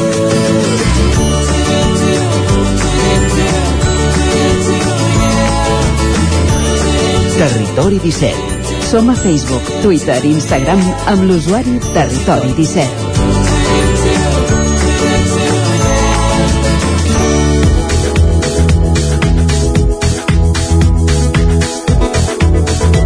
Un minut que passa d'un quart d'onze. L'historiador i arxi... l'arxiver i historiador ripollès Agustí Dalmau ha presentat en societat la monografia dedicada a Ripoll de la col·lecció històrica de quaderns de la revista de Girona. Fa un temps ja ens va avançar que hi estava treballant després d'haver-ne fet una de Sant Pau de Segúries. Aquesta obra ha estat editada conjuntament per la Diputació de Girona i la Fundació La Caixa. Des de la veu de Sant Joan, Isaac Muntades, bon dia. Bon dia, Isaac. Doncs sí, i avui precisament el tenim al telèfon per parlar-ne amb ell, amb l'historiador ripollès Agustí Dalmau, que ens explicarà doncs, tots els secrets d'aquesta publicació. Bon dia, Agustí, moltes gràcies per atendre'ns. Molt bon dia, gràcies a vosaltres per pensar-hi. Per començar, Agustí, de llibres de la història de Ripoll, que això ens ho has explicat diverses vegades, sobretot parlant del monestir, eh, podríem dir que n'hi ha cabassos, però aquest llibre de fet és únic perquè es dedica a resumir tota la història de, del municipi i em sembla que d'aquest estil encara no n'hi no havia cap, no? Mira, ho dius molt bé, doncs perfectament. Eh, del, del monestir de Ripoll hi ha forces bibliografies, hi ha forces monografies, hi ha treballs publicats sobre la portalada, sobre els comtes, el comte Guifré, l'abat Oliva, en Gerbert... Ara, el que faltava, el que feia falta era un, una petita monografia doncs que sortís recollit, no tota la història, perquè és impossible, amb, amb, que això té 90 pàgines, però sí que més o menys els aspectes pels quals Ripoll és conegut. Feia falta, realment, eh, era un, una vacant que hi havia, era un buit, penseu una cosa, per exemple, que els mestres de Ripoll el demanaven, la gent que ve a Ripoll, escolta, jo, jo tinc un parent a Mataró, tinc un parent a Manresa, que li tinc que regalar, doncs, eh, el llibre aquest de Ripoll. I no hi era, era moltíssim dir, no, no hi havia res, no hi ha res. Ara no, finalment, doncs, finalment tenim un llibre de Ripoll que ha resumit dels aspectes més importants de la vila. Uh -huh. De fet, precisament intentes de fugir d'aquest leitmotiv i que el llibre no se centri a parlar únicament del monestir, sinó tot el contrari, oi? Mira, ho dius molt bé, eh, el monestir és l'emblema de Ripoll, però, però, però re, realment hi, hi, hi ha vida més enllà, hi hi ha més coses a Ripoll, i per això hem intentat doncs, fer un pas més endavant i de deixar una mica davant del monestir i parlar d'aspectes de la vila, vull dir, molt diversos, eh, tant polítics com culturals, etc etc. Uh. Perquè explica'ns una mica això, el llibre com, com l'has estructurat, Agustí? Quan, quants capítols té i de què s'hi parlen cadascun d'ells? Mira, a, aquesta col·lecció tots, tots són iguals, Tens, són 43 capítols, el que passa que varia el contingut. En el cas de Ripoll, doncs que intentar buscar doncs, aspectes pels quals havia els... Hi ha uns clàssics de capítols, per exemple, la demografia, eh, aquest és un clàssic, l'ensenyament, aquest també hi és sempre, el tèxtil, Uh, després, per exemple, que hi ha molts temes. Cada, cada poble té la seva idiosincràsia, té els seus trets, per exemple, fires i mercats, tens mica la política, les entitats, els veïnats que hi ha hagut a Ripoll, per exemple, una relació de ripollesos il·lustres, també, dos capítols, uh, les fires i mercats, uh, vull dir, molts, els, els Geres Carlines, vull dir, abans que més o menys des del nom de Ripoll fins més o menys a l'actualitat, però dic, són una col·lecció molt marcada, que tens uns capítols, uns caràcters amb espai, vull dir, no te'n posa anar, encara si Ripoll no pots fer un totxo de 300 pàgines, no, n'has de fer 90, espavilat, llenguatge periodístic i dir molta cosa en poc espai, i realment és un gran exercici. Uh -huh. La cultura popular també està reflectida, ara parlaves d'entitats, per exemple amb els gegants, què n'expliques d'aquestes figures? Bueno, mira, home, els gegants hi són, perquè els gegants de Ripoll són del 1945, a més, eh, són una cosa molt, bueno, és molt curiosa. Ara n'hi ha dos parelles, perquè pesaven molt, pesaven una bestiesa de quilos, em sembla que cap a 50 quilos pesava cada gegant de bestiesa, uh -huh. i el bo d'aquests gegants de Ripoll que hi havia a l'època és que els cabells eren naturals. Carai. Els cabells, sí, eren cabells humans. I, I de qui eren aquests cabells, si es pot preguntar? Això es pot saber, Agustí? meu, Era una mica de tothom. No, meus no i tampoc teus. No, això segur que no. no, no ho sé. Els van fer a Barcelona a la Casa Paquita, però realment era un, un tret molt particular, però clar, mica en mica s'ha anat perdent, era d'això, però realment eren dos trets dels gegants de Ripoll. Però a part d'això, per exemple, a part dels gegants, eh, recollim dues coses típiques de Ripoll, com són la cançó dels Reis. Uh -huh. eh, eh, la cançó dels Reis, no, una cançó de Reis que només es canta a Ripoll. Mm. Qui, quina és aquesta? Catalunya, eh? No, no, bueno, hi ha la lletra ja, però només la cantem nosaltres. Som així de friquis. És una cançó única, és un patrimoni etnogràfic. I els pastorets, els pastorets no són pas els d'en Pitarri, Folk i Torres, que són els clàssics, no, no. Tenim uns pastorets peculiars, són de finals del segle XIX, que són espessos com la mare que els va fer. Són únics, són únics. És a dir, els pastorets i la cançó dels Reis són elements etnogràfics i antropològics eh, només de Ripoll. Encara es representen aquests pastorets o ja no? Sí, sí, sí, duren 3 o 4 hores i són un tostón, eh? són un pal, eh?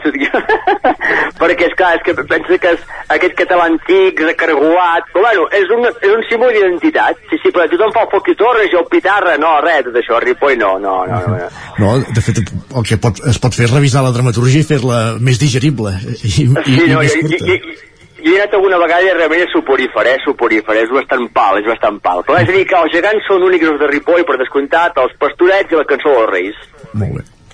Uh -huh. El llibre també s'hi parla de les fires que s'organitzen al poble uh, no sé si fa referència de, uh, entenc que sí, eh, la Fira de les 40 hores el casament de pagès i la festa de la llana el Mercadal del Conte Guifré en definitiva totes aquestes fires que, que se celebren durant l'any no sé si en destaques i si hi ha alguna anècdota curiosa uh, respecte a això Mira, hi són té el llibre, perquè hi ha un capítol dedicat a fires i mercats, i són totes aquestes fires, la fira dels 40 hores, la fira de 33, el mercat, per exemple, una cosa curiosa, per exemple, el mercat que fa, es fa a Ripoll el dissabte, doncs es fa el dissabte des de la Guerra Civil, des de l'any 36, és a dir, tenim, bueno, el, el mercat és anterior, abans feia els diumenges, però ara que es fa el dissabte a Ripoll al mercat, és el dissabte, des del 1936. Bé, és una dada realment curiosa. Uh, totes hi són, eh? Cada, pensem una cosa, cada, cada capítol se'n podria fer un llibre, és a dir, es podria fer un llibre de les fires i mercats, un llibre dels gegants, com qualsevol poble de Catalunya, eh? Es podria fer de, de, de, de, dels reis, però bueno, perquè són capítols que has de dir molta cosa en poc espai, amb el qual aquestes fires i mercats hi són, per descomptat, però clar, són tres ratlles, eh? Quatre, eh? No, no, no 25 o 30, no, no, són 5 o 6 ratlles, una cosa sucinta i molt abrujada. En comento una anècdota, mira, per exemple, la fira de les 40 hores que es va fer no fa gaire setmanes, no fa gaire dies, doncs l'origen és religiós. I va, és l'origen religiós, encara que no ho sembla, és l'origen religiós. I posteriorment s'hi va incorporar doncs, el que era la fira, i la fira. Per què això?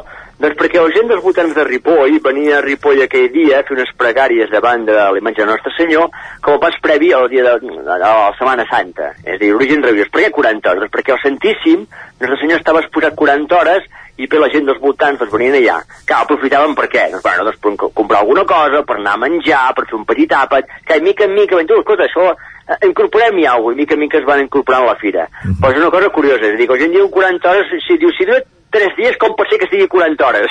no, és com motiu de religiós. Uh, i no són 40 hores de festa més qüestions la, la part política es limita només a la història moderna o contemporània o també retrocedeix, retrocedeixes més en, en el temps i fins a l'edat mitjana per, de fet no. la, la part actual amb els contemporanis hi pots, hi pots haver aprofundit directament no, bueno, a edat mitjana no, perquè pensem una cosa, que a Ripoll una cosa molt curiosa. A Ripoll tenim ajuntament, saps des, des de quin any tenim ajuntament? Ajuntament, eh? Des del 1812. Carai, no és gaire enllà. És, és aquí mateix. Exacte. és dir, quan hi ha poblacions a Catalunya que tenen ajuntament dels 1.700 i 1.600, en aquella època no. Per què? Perquè Ripoll no, vila, no, no era vila reial i depenia dels abats uh -huh. del monestir. Que, que els abats del monestir, en definitiva, eren senyors feudals eren uns fatxes, eren uns fatxes de cuidado, eren senyors feudals, i perquè Ripoll no tenia ajuntament, no tenia alcalde ni regidors. No, amb el qual arrenquem des del 1812, però eh, i després em centro molt a, a finals del segle XIX, principis del segle XX, amb el que són els moviments catalanistes i els moviments republicans. A l'actualitat no he dit res, eh? Vull dir, no, no, no arribo tant cap aquí, eh? Vull dir, no, no hi arribo. Això, això vol dir demà ja ho faran. Molt bé. Mm -hmm. uh, no sé si en el llibre també uh, parles una mica, ara comentaves eh, de, de la guerra civil, no sé si en, de, com va afectar Ripoll, en parles una mica, Agustí, també? No, mira, no, no, no, no en parlo de la guerra civil, no en parlo. no en parlo. Mira, el motiu és molt clar, Isaac, t'ho explicaré. Perquè resulta que hi ha un llibre que es va publicar als anys 90 que van fer dos professors d'institut, l'Olga Camps i la Sofia Castillo, hi ha tot un volum que jo considerava que valia més la pena doncs, incidir en, en altres aspectes menys coneguts. Si tens un llibre que en parla, una monografia, no cal fer un resum en dues pàgines. Ja tens un llibre amb el qual aquest motiu no hi és la, la guerra civil. Fet expressament també, perquè a veure, si ja hi ha un llibre no val la pena repetir-ho. Molt bé, uh, Agustí Dalmau, historiador i arxiver i autor d'aquesta monografia dedicada a Ripoll de la col·lecció històrica de quaderns de la revista de Girona hem parlat d'aquesta història de Ripoll, del que s'hi recull en aquesta monografia, i també ens parlaves de, del fet de tenir en exclusiva una cançó pròpia dels Reis, que ja la sentim de fons, i amb la qual acomiadem sí, és aquesta, és aquesta. És aquesta, eh? Si vols te la canto, jo me la sé, tot Ripoll se la sap, eh?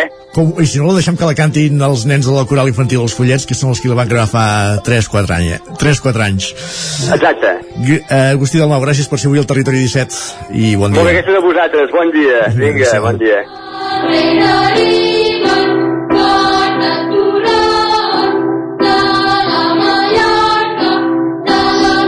Acabem de passar Setmana Santa i acomiadem aquesta entrevista amb la cançó dels Reis. Arribaran, arribaran, serà el 5 de gener de l'any que ve, però mentrestant anem escalfant motors després d'aquesta entrevista, com dèiem, amb l'Agustí del Mau. Isaac Montades, fins ara mateix. Fins ara.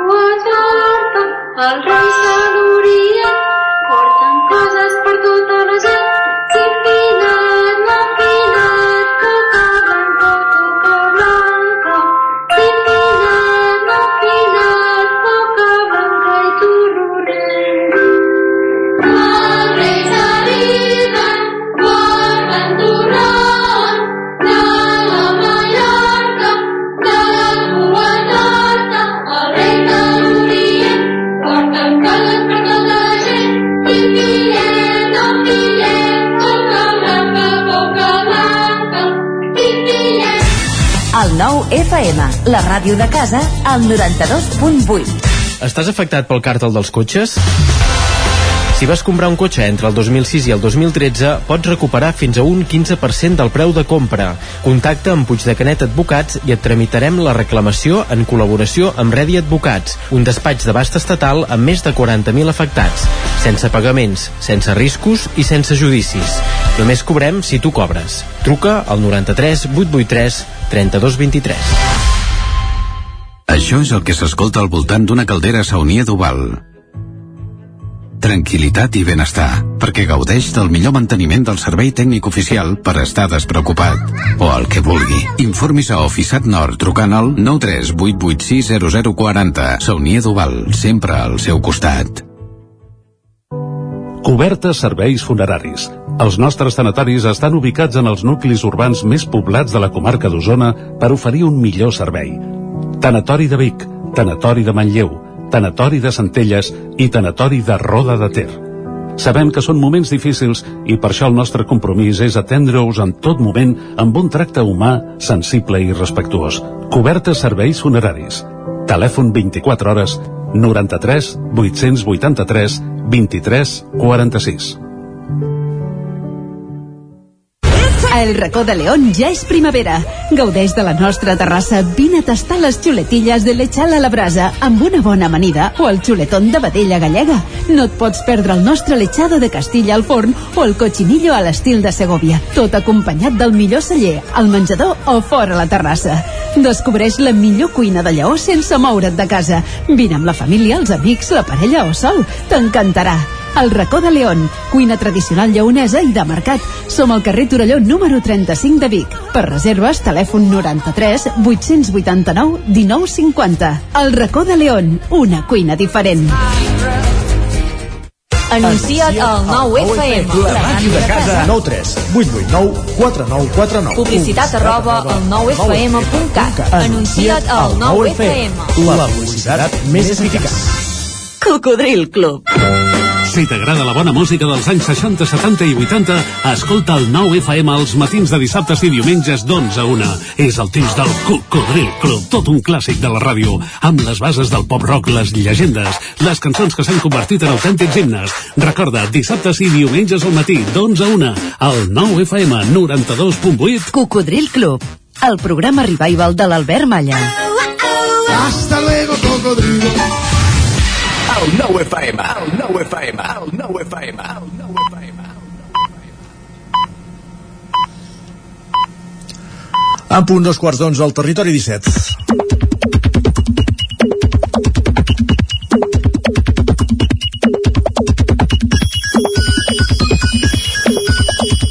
Evidentment, a dos quarts d'onze, cada dia ens visita en Guillem Sánchez, aquí ja saludem. Bon dia, Guillem. Bon dia, Jordi, bon dia, Isaac. Com, com ha anat la Setmana Santa? Allò típic de dir aprofitaràs per descansar i descanses un dia només i a la resta et busques feina i llevanta més d'hora del que és normal en un dia de venir a treballar, per tant... Bé, digue'm que t'has distret. N'has d'aprendre, eh? Doncs Sí, sí. va, ja, ja n'hi ha prou, ja està bé, ja està bé. Però ens portes piulades també, eh? No sé si les has anat recollint durant aquests dies, per tant, portes un reguitzell o, o no, eh? Anem bueno, portem, com sempre... portem novetats perquè aquesta setmana és una setmana important, ja que ens podrem treure ja la mascareta en interiors. Com I, i, I ara me la posava, eh? Ja, ja, ja anava a pensar que érem demà, ja. Perdó, perdó. Doncs eh, una mesura que a les escoles ja s'aplica a partir de- d'avui mateix, d'aquest matí, i de fet eh, ahir alguns usuaris ja es mostraven satisfets per això. Ens deien, demà és el primer dia en dos anys que podrem anar a escoles i instituts sense les punyeteres mascaretes. Ja era hora. En Ricard ens aporta el següent comentari i ens diu 14 dies només per la demostració que les mascaretes a les escoles i la majoria de situacions a l'interior mai han servit per res, diu ell. Diu, caldrà esperar. Doncs sí, esperarem i el temps ens dirà si, si estem fent bé o no. Tot això, la confirmació de la mesura no ha arribat fins ben entrada a la matinada, em sembla, si, si no ho dic malament. Crec que eren les dues o les tres del matí que encara s'havia de publicar... Ah, sí? Sí, sí, sí. Uh, això se'ns escapa. Sí, hi ha hagut algun tuit que ha fet referència a això. Ens diuen, un dia abans de les vacances de Setmana Santa, Educació anunciava la fi de les mascaretes a les escoles a partir del 19 d'abril. Diu, després de 12 dies han esperat el mateix 19 d'abril a les 3 de la matinada. Carai. Doncs bé, ha arribat abans, eh, per això. que Això és que van programar el tuit. Ja, ja sortia d'aquesta hora. Deu ser això. Va, ja fa més flaire també de- d'estiu de, que no pas uns dies enrere i, i em quedo jo amb l'esperit del nostre company d'en Guillem Freixa que ens explicava en aquest missatge ens diu, ja no som canalla, però després de Setmana Santa a l'escola començava el tercer trimestre, el dels dies que s'allarguen, la temperatura és agradable i l'estiu ja es veu a l'horitzó. Era el meu preferit, i també perquè ens deixaven treure la bata. Diu, som-hi amb el tercer trimestre. Ah, Deix, oita, ara millor treure's la mascareta que la bata, també cal, cal dir-ho, eh? Però està bé, està bé. En Víctor, no sé si se li hauria posat bé la tornada a classe per això, ens escriu jo sabent que no he fet cap dels deures que tenia per Setmana Santa. Ara, pla. Malament, doncs, eh? Malament. Sí, sí, de, de temps en va tenir, De eh? temps en Aquí va tenir. L'excusa és que, clar, aquests dies no he tingut temps. Home, en teoria diríem que sí, eh? Home, no saps la gent d'en Víctor, eh? Poder tenir tres cantades de caramelles cada dia. Ah, podria ser, podria ser, podria ser. I l'Arnau tampoc no sé si tenia gaires ganes de llevar-se avui, ens escrivia després de Setmana Santa tornar a anar pel món a aquestes, a aquestes hores és inhumà, diu, i ara a per estadística. Deu estudiar matemàtiques o deu estudiar... Estadística. Estadística. Segur, segur, estadística segur. En Ramon ens deixava anar una pregunta, diu Bon dia, sóc l'únic que durant les vacances de Setmana Santa, ni que sigui poquet, peco fent feina, preparant activitats, reprogramant, diu Bona tornada, companys i companyes. No és l'únic. No és l'únic. No és l'únic, diu en Jordi. I l'Adrià ens fa una confessió que potser alguns ens hi hauríem de sumar, ens escriu si la Setmana Santa és el tràiler de l'estiu, el meu fetge no arriba a l'agost i la meva cartera no arriba al juliol. Buf, bé, sí, el de la cartera ho podria Sí, compartir. exacte. Ja, t'ho ben asseguro. Uh, I potser alguns ha aprofitat aquests dies també per fer algun viatge, per fer alguna sortideta amb amics, amb parelles, amb família diu en Marc, no ho acaba d'entendre per això ens diu, l'única explicació d'aquestes famílies que marxen totes juntes de viatge tiets, cosins i avis és la cohesió i el vincle d'haver hagut d'encobrir un assassinat en algun moment Apa aquí Oh, sa Manela. Ja l'ha dit? Vinga. Ja l'ha dit? Sí, sí, home, vas a parar. Deu ser que no, li, que no li agraden gaire en en Marc, no? Entenem pel tuit? Entenem que no. Bé, se suposa que no. Sí, sí, és evident. I ara un gran dubte d'aquests dies que ens escriu la Irene, ens comenta sou més de mona de Pasqua a l'estil tarta Sara, de fruita confitada, de xocolata o directament de figura de, de xocolata, diu. I els que no sou de res, no sou de fiar. Ah, per aquí. Aquí, bé. No, no, l'important és que hi hagi mona, que sigui, hi hagi mona. com sigui, tot i que m'he quedat amb una de l'antimona, una que l'han no mo- estrenat, la la, no mona. mona, La de vi... Uh, que es veu que és un ou No la gegant de xocolata, la rebentes i hi ha una ampolla de vi dins. aquesta és una aquesta mona que, és, que bàsicament adreçada al públic adult, que s'ha estrenat aquest any i que té, bé, té la seva gràcia. La que ha triomfat molt per Twitter és la, la base de la mona de la Maria Nicolau, també, eh? Ostres, doncs si ens, si ens vol enviar la recepta... No, no, és que precisament ella ha penjat la recepta i, i, el, i, la- i el que ha triomfat són les respostes de gent que, ha fet, que l'ha fet i, i la compartia. Doncs si algú ens vol enviar alguna d'aquestes proves a la mateixa Maria ens vol fer arribar algun, algun exemple... No, exemplar, serà. exemplar, Exemplar. Ramona, que nosaltres farem el tastet i si cal la crítica gastronòmica i tot. Va. Va, i per acabar una previsió, la de la Carla, que ens escriu No vull ser exagerada, però si plou per Sant Jordi entraré en una espiral de tristor que no podré superar en mínim 83 No pateixis, no plourà, no plourà, no. No, de patir la Carla, I si plou tampoc n'hi ha per tant. Escolta, que, I a més que una venim- regada sempre va bé, eh? que venim de 4 dies que no hem vist els núvols ni la pluja, que hem vist només, només sol, que ens hem cremat tots ja i que tu s'ha de compensar d'alguna manera, també. Vinga, home, cremar, cremar, tampoc serà tant, eh? Però vaja, bé, bé. Doncs va, fins, fins Gràcies, demà. Guillem. Bueno, no marxis gaire lluny. No, no marxo gaire lluny. T'esperem a la tertúlia, va. Uh, més qüestions. Anem cap a repassar digi portades digitals. Sí, portades del 99.cat. Ara mateix comencem pel 99.cat del Vallès Oriental, que obre explicant que el Xiprer inicia a la Porxada la celebració dels seus 25 anys. També més de 400 alumnes de batxillerat reflexionen sobre el bombardeig de Granollers de 1938 i que Lluís Martínez és el primer director de l'espai de Sant Miquel del FAI.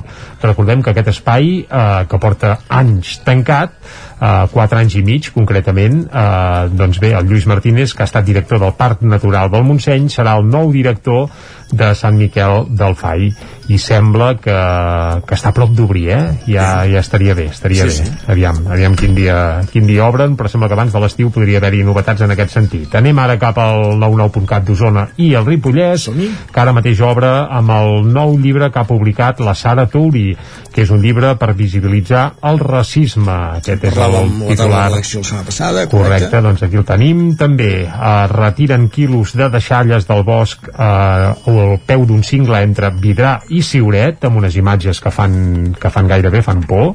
I també un llibre que relata la història d'un biguetà amb paràlisi cerebral. Tot això apareix a la portada ara mateix del 99.cat d'Osona i el Ripollès. Doncs ara sí, arribats a aquest punt, entrem a la taula de redacció.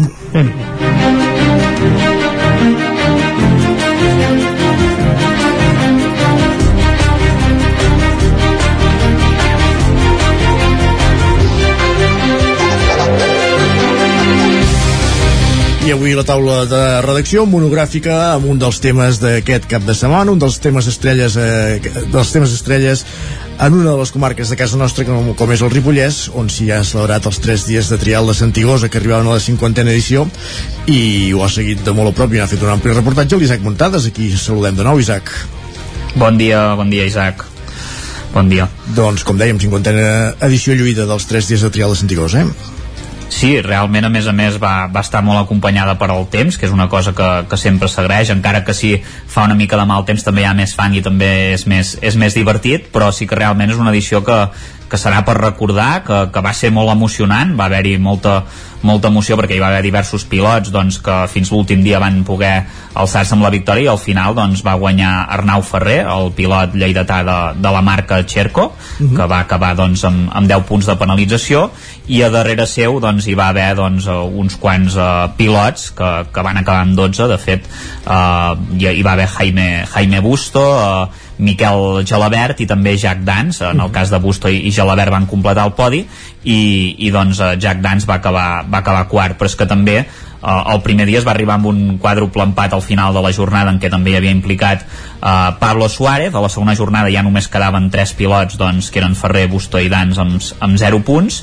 Uh, Gelabert es mantenia una mica més endarrerit en, en, encara. Va aconseguir fer doncs, una mica de, de remuntar al final per colar-se al podi i, i a partir d'aquí doncs, l'última jornada sí que hi va haver-hi més, més moviments i ja doncs, van començar a sumar punts. I va haver-hi doncs, eh, aquesta, aquesta decisió que em sembla que també tenim en Jordi Vilarrodà no, per aquí ara, que ens... el, que tenim primer ah. és el que tenim primer és la crònica, el reportatge de, de com va anar aquesta jornada i després sí, ho acabem d'analitzar amb Jordi Vilarrodà que és un dels membres de, de l'organització d'aquest trial si sembla, fem la crònica i recollim la crònica de, de com va anar el cap de setmana i després ho, ho acabem de, de parlar. Fins ara.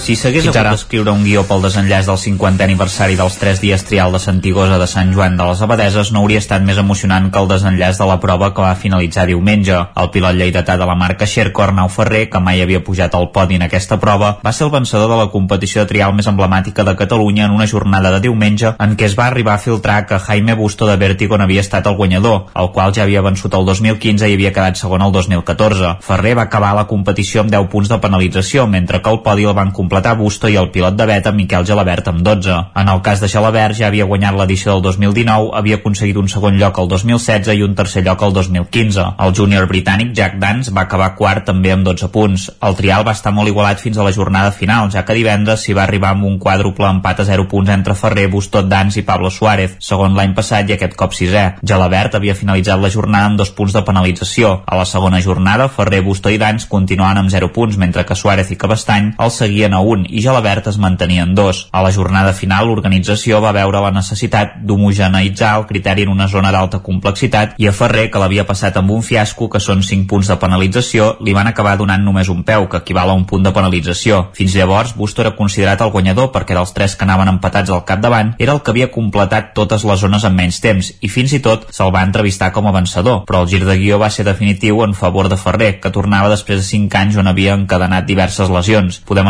escoltar-lo valorant la victòria. La veritat és que els dos primers dies vaig poder rodar zero, vaig anar molt bé i sabia que s'havia de decidir tot l'últim dia. Avui he fallat una mica més del compte i he arribat a la zona indoor que no sabia ben bé com anirien les coses i ha sigut durant la tarda pues, que anar parlant amb els pilots, anar parlant amb la gent, més o menys miràvem com acabaríem de punts i ha sigut al final doncs, que hem sapigut que, que els altres havien fallat també i que, que m'hem portat la victòria. Super content, un honor haver guanyat la cinquantena edició de, del Santiago cosa, sí, sí. Aquesta edició va estar acompanyada pel bon temps i l'enorme presència de públic, sobretot a les zones més accessibles com les de Santigós, els Pastors, la Margera i la zona indoor al poble. En la categoria femenina no va haver-hi color i Berta Bellan va guanyar amb autoritat a 120 a la general amb 63 punts de penalització. Maria Giró i Alessia Baqueta van completar el podi. Podem escoltar les seves sensacions i què creu que falta perquè les dones tinguin més reconeixement del que tenen en l'actualitat. La veritat és que he gaudit moltíssim. Crec que ha sigut l'edició que he gaudit més perquè he anat al meu rotllo i m'ho he passat superbé i quan t'ho passes bé doncs, els resultats són bons. A dia d'avui puc dir que em dedico al trial però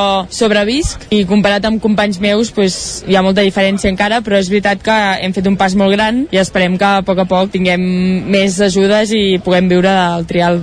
Jo crec que sponsors tipus Iberdrola que ara han, han fet el boom al, al futbol doncs aquí falta un sponsor molt gran que ens doni una mica més de veu i més visibilitat. El 50è aniversari dels 3 dies trial de Santigosa va estar marcat pels actes especials que s'hi van dur a terme. Un any més, dissabte va haver una exhibició de Toni Bou a la zona indoor de Can Creuet. El pilot de l'equip Red Solon de Trial Team va sentenciar el seu 16è títol mundial d'X-Trial i no es va voler perdre la commemoració del mig segle de vida del Trial. El va acompanyar el guanyador del Trial l'any 2017, Takahisa Fujinami, retirat recentment de la competició i gerent del Repsol que va tornar a pujar la moto després que una lesió impedís participar-hi el gallec i company d'equip de bou Gabriel Marceli, que també va guanyar el Santicosa el 2018. Un cop es va acabar l'exhibició, el Teatre Centre es va omplir de gom a gom per veure l'estrena del documental 3 dies trial Santigosa 50 anys, una peça dirigida i editada per Eduard Miguel i Norbe Fernández de Goita Audiovisuals i Norbe Produccions Audiovisuals i que va servir per homenatjar els tres amics que van iniciar la prova l'any 1970, Oriol Guixà, Jordi Permanyer i Miquel Canal. Podem escoltar el president del Motoclub Abadesa, Joan Montcanut, definint com ha estat d'emocionant aquest 50è aniversari. Home, realment l'emoció aquests dies ha estat a flor de pell, sobretot el dia de la, de la presentació dels actes del 50 aniversari, sí que realment a vegades costava que sortissin les paraules, després el dia de la presentació del documental, veient el documental mateix, moments doncs que commou, no? i veus, revius històries i revius el teu passat també perquè, bueno, formes part de tota aquesta simbologia del trial aquí a Sant Joan, és un honor també poder representar això en una data com aquesta 50 aniversari, no? La celebració del trial també va perillar en algun moment per la incertesa que ha patit l'organització en relació amb l'autorització de medi ambient, que es va resoldre favorablement en l'últim instant. La disputa de la prova ha permès iniciar l'estudi d'impacte ambiental previst en algunes de les zones de la cursa. Doncs Isaac, aquesta és la crònica que ens feies, el reportatge que ens feies d'aquests tres dies de trial de, de Santigosa i ara, si et sembla, sí que afegim a la conversa en Jordi Vilarrodà, eh, que forma part de, de l'organització, un dels col·laboradors de l'organització d'aquest trial. Jordi, benvingut, bon dia. Hola, bon dia. Eh, explica'ns, eh, bueno, Isaac, ens explicaves a l'inici aquesta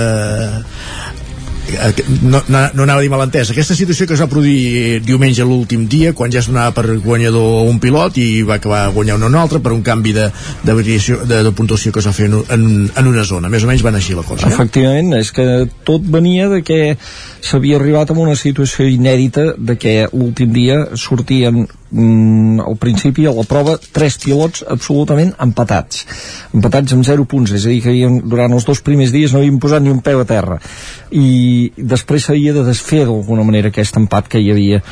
I, i es va doncs es va ser molt estricte amb les puntuacions a les zones, vigilar molt doncs que, que realment es complís allò que es diu el non-stop, és a dir que en una zona la moto ha d'estar sempre avançant no es pot parar mai i, i bé, doncs eh, va arribar al final que, que continuava havent empat en dues posicions però la primera eh, no, la primera doncs semblava que el guanyador per puntuació l'últim dia sí que hi va haver alguns pilots que van posar el peu a terra perquè les zones eren dures i que el guanyador era el pilot eh, el pilot baix Jaime Busto però revisant les puntuacions allò que passa, eh, l'últim dia hi ha aquella pressió per saber qui és el guanyador i revisant les puntuacions es va veure doncs, que un pilot que era l'Arnau Ferrer s'havia estat massa estricte. En una zona se li havia posat un 5 a ell quan altres pilots se'ls havia posat un 2 pel mateix motiu, pel mateix recorregut. I aquí doncs, va ser on es va produir aquesta petita confusió perquè es va donar per guanyador Jaime Busto però després ben mirat el guanyador realment va ser Arnau Ferrer perquè en unes zones doncs, és el que havia fet doncs, menys peus aquell dia. Tot i així va continuar l'empat en la segona i tercera posició que es va haver acabar, eh, es va haver d'acabar dirimint per temps. Carai. o sigui, perquè si eh, eh, el trial té un sistema de puntuacions que si, si hi ha aquest empat amb punts, després mira el pilot que hagi fet més zones amb zero. Resulta que amb això també empataven dos pilots que eren el Busto i el Miquel Gelabert.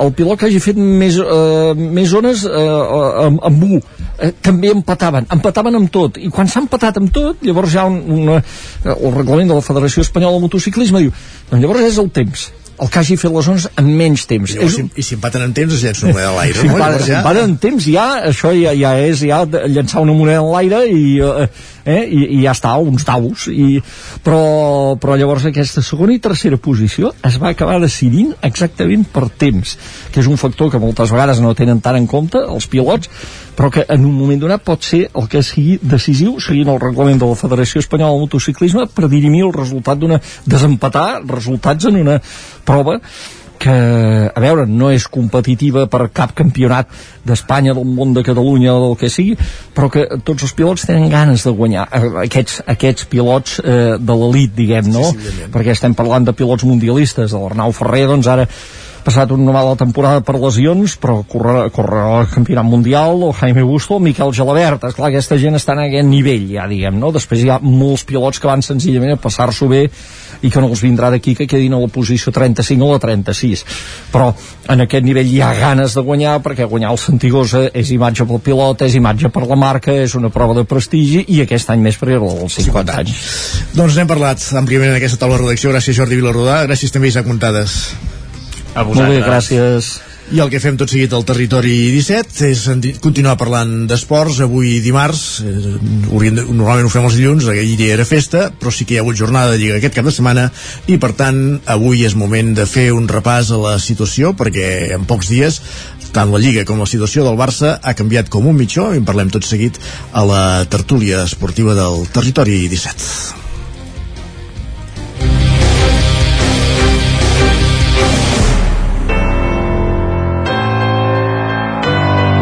Territori, Territori 17. 17. Territori 17.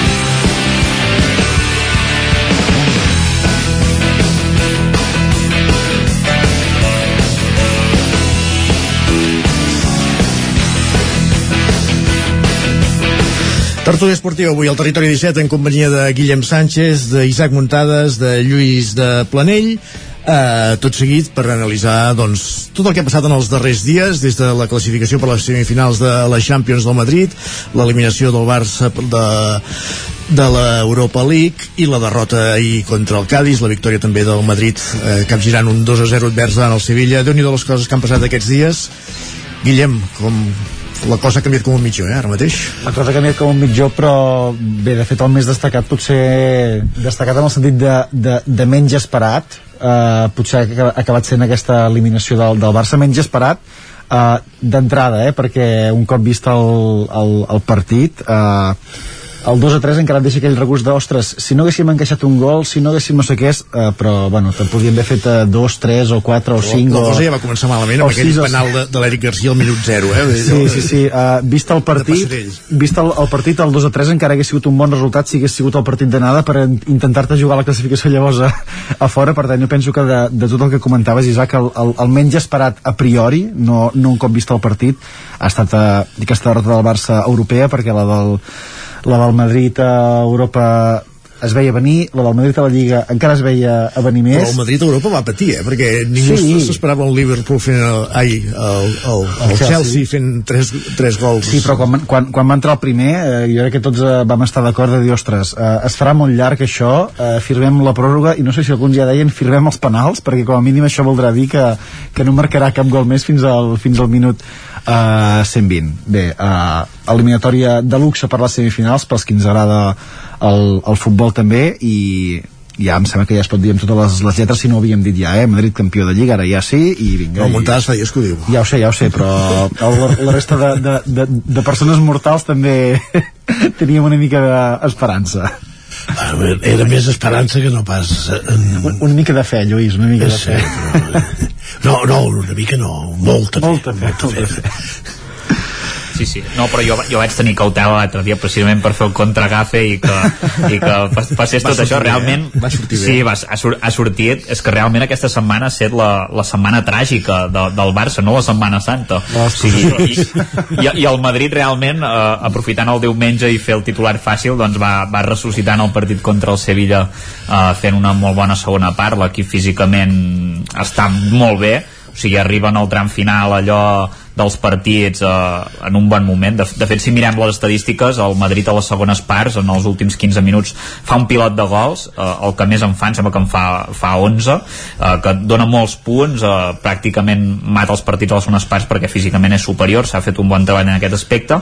Amb el partit contra el Chelsea, amb el Chelsea, que és un equip que físicament també és fort, doncs es va notar.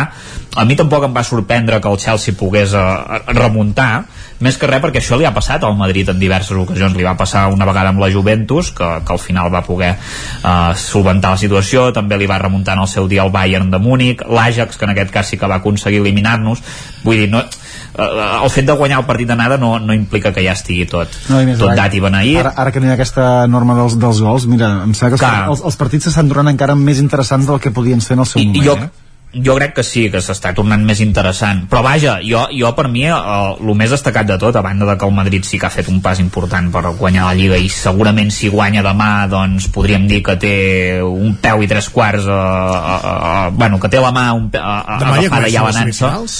No, no, demà comença la, la, una altra jornada de Lliga. Bueno, de fet comença avui, comença avui, però el Madrid juga demà i el, i el Barça dijous. dijous. Però, però a, mi el que, a mi el que més em va sorprendre d'aquesta setmana, aviam, és l'Spotify Parkens Stadium, que, que realment, doncs, eh, realment jo crec que és el més interessant de, de, de la setmana passada perquè l'eliminació del Barça doncs home va estar molt condicionada perquè 30.000 alemanys quan veus les imatges pels carrers de Barcelona que veies 25.000, 30.000 persones deies, ostres, aquesta gent han vingut sense entrada com la liaran no, no, La van trobar, la van trobar. la van trobar, o sigui, La teni no, la tenien, van arribar amb entrada. la tenien, no, no, la tenien perquè, perquè bueno, això, avui hi ha una roda de premsa a les 12 de Joan Laporta que suposo que explicarà ja què ha passat per, per, perquè realment és greu no, fet, jo, aquests- jo és sí, sí, De fet, digues, digues eh, No, que, eh, per eh, puntualitzar aquests dies per Twitter jo havia vist alguna fotografia d'alguna d'alguna carta que suposadament havien rebut aficionats de, de l'Eintracht de Frankfurt explicant en anglès tots els passos que havien de fer per entrar al Sí. Camp Nou un cop comprat el carnet o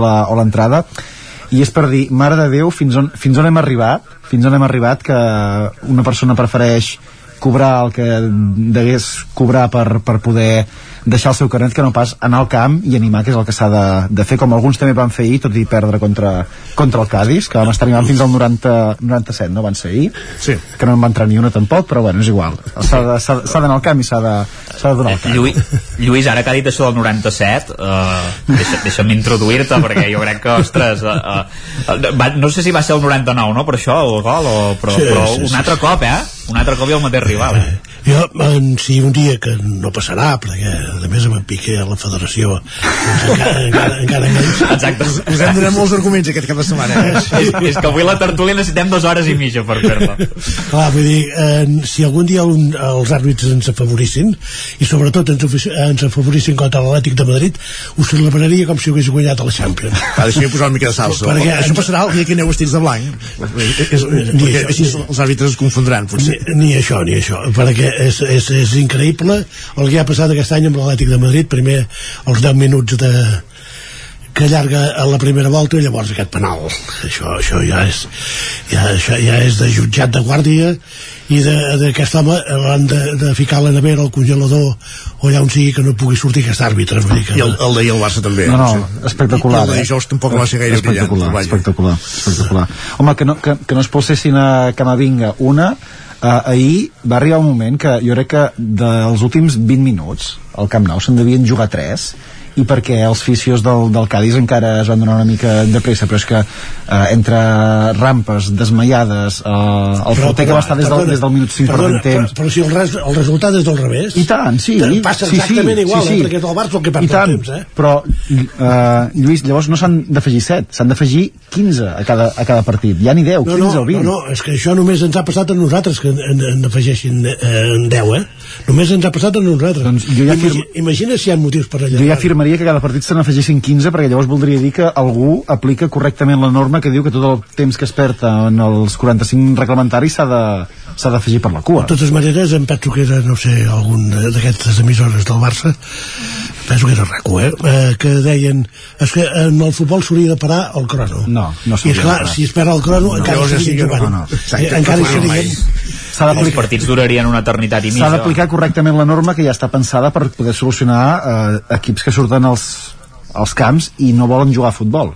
No volen jugar a futbol. No, però per, per exemple, el, el, els llançaments de banda, o sigui, es perd una quantitat de temps increïble, eh, en, guanyen una quantitat i, i tots, eh? Vull Sí, dir sí, sí, aquí tothom, no hi ha diferència, sí, sí, eh? Vull dir que els àrbitres amb tots la qual cosa em fa pensar que eh, el que tenim un problema és amb el- l'estament arbitral perquè com que no s'han de donar explicacions no s'han de, de regir comptes ni... home, seria molt Home. bona una roda de premsa setmanal postpartit A mi m'agradaria. per passar revista i per sí, justificar sí. ells algunes de les decisions que es prenen perquè entre el criteri de les, de les, de les mans, el de les faltes, els dels Exacte. fores de jocs, Ara, ara, si habilita, si no habilita i si deshabilita, Ara, eh, potser tots ho entendríem una Ara. mica més, o estaríem una mica menys perduts a l'hora de, de fer tertúlies llavors i de, i de poder comentar jugades. I, i la imatge, la imatge de, del Mario Hermoso ensenyant a l'àrbitre en el videobar oi, Yes. com, veus com ho toca amb les mans li explica ell a més havia estat un any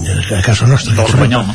exacte, Sí, sí. però és igual ara és de, de l'Atlètic de Madrid i ha de defensar l'Atlètic de Madrid però un, un àrbitre que admeti eh, que un jugador li, enseny, li estigui ensenyant que efectivament el va tocar és que, que l'RDT va tocar la pilota amb les mans no el dubta ningú una altra cosa és si aquestes mans eren, Han de ser eren penal. penal o no. Exactament, perquè, per exemple, en- al, al cap d'una estona, al, al camp del Sevilla, hi ha un jugador del Sevilla amb, que Sí, sí. eh, l'empeny el seu propi Voleibol. porter, eh, i es toca la pilota amb les mans, i ningú considera que és penal. Doncs perquè és que a mi m'agradaria a mi m'agradaria que m'expliquessin el partit del Madrid perquè clar, i la gent dirà, no, és que el Madrid el van beneficiar els àrbits el diumenge no, no, el Madrid el van perjudicar els àrbits el diumenge primer de tot perquè hi va haver aquestes mans que tu comentaves Lluís de Diego Carlos que no, no és que el, porter evidentment el toca després la pilota va a les mans del jugador però és que el jugador fa el moviment de de, de com tirar la pilota. Això per començar, unes mans que l'any passat en un partit contra el Sevilla a Valdebebas es van xiular com a penal de militar. Vull dir, recordem-ho, igual, pràcticament és la mateixa jugada. Això abans de, això abans de la suposada, bueno, de l'expulsió de Camavinga, que no va ser expulsió al final, hauria d'haver set. També s'hauria d'haver anul·lat el primer gol del Sevilla de la, de la falta, perquè l'àrbitre no se sap el reglament, no se sap que un jugador eh, contrari no pot estar en una barrera de, en què hi ha tres jugadors, no pot estar, i ha de deixar com a mínim un metre i estava enganxat, ho van dir totes les, les televisions, um, bueno, i després a més l'àrbit em sembla que en algun jugador deia, no, no, sí que és veritat que em sembla que m'he equivocat, però bueno, el bar em sembla que no podia intervenir per, per alguna cosa. Això ja demostra una, Després el- una, una manca de professionalitat i una, i una mala imatge àrbits. del col·lectiu bueno, i del bar, que... i, sí, sí. I, i del bar molt malament i el gol anul·lat a Vinícius que, que jo crec que no li toquen és que no li toca el braç, jo crec que li toca l'espatlla però, però bé, eh, el pit no, és que no, no sé, eh, me la, me la miro i a diferència d'altres mans que sí que han anul·lat gols, hòstia, aquesta sembla molt menys vaja, que jo no la veig vull dir que I en aquest cas l'àrbitre va, va, va veure el bar sí, sí, sí. i Sí, van a veure el VAR. veu que li toca l'espatlla Per què? Ah, perquè clar, al bar li devien dir, al bar li devien dir que, que s'havia equivocat, perquè si van al bar, si ell, ell havia anul·lat el gol, ell havia anul·lat el gol, per Exacte. tant, si anul·la el gol vol dir que el bar li està dient que s'ha equivocat, per tant, que ho vagi a revisar.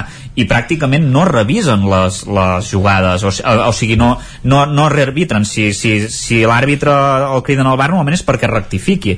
I, i poques vegades passa que, que no es mantingui la decisió, i això amb el Madrid pues, ha passat tres o quatre vegades amb el Madrid, eh? que s'ha mantingut una decisió i, i a sobre que era eh, contrària als seus interessos, vull dir que el VAR no serveix per res, jo crec que el millor és treure el VAR i que els àrbitres espavilin i que només serveixi per mirar si hi ha gols fantasma No, no, i o- fores de joc o fer-ho bé, o fer-ho bé, o sigui que, que s'aconsegueixi que Sí, hi hagi no, no, un, això. un, un únic criteri, eh, no sé si això voldria dir que el mateix àrbitre hauria de pitar els 10 partits que hi hagi cada, cada jornada de la, de la Lliga perquè Que no hi hagués diferències entre, entre ells, però és que és una mica lamentable que depèn de l'àrbitre que... Bueno, jo que hi hagi diferències de criteri entre els àrbitres ho entenc, el que no entenc és que hi hagi diferències de criteri entre el mateix àrbitre en el mateix partit.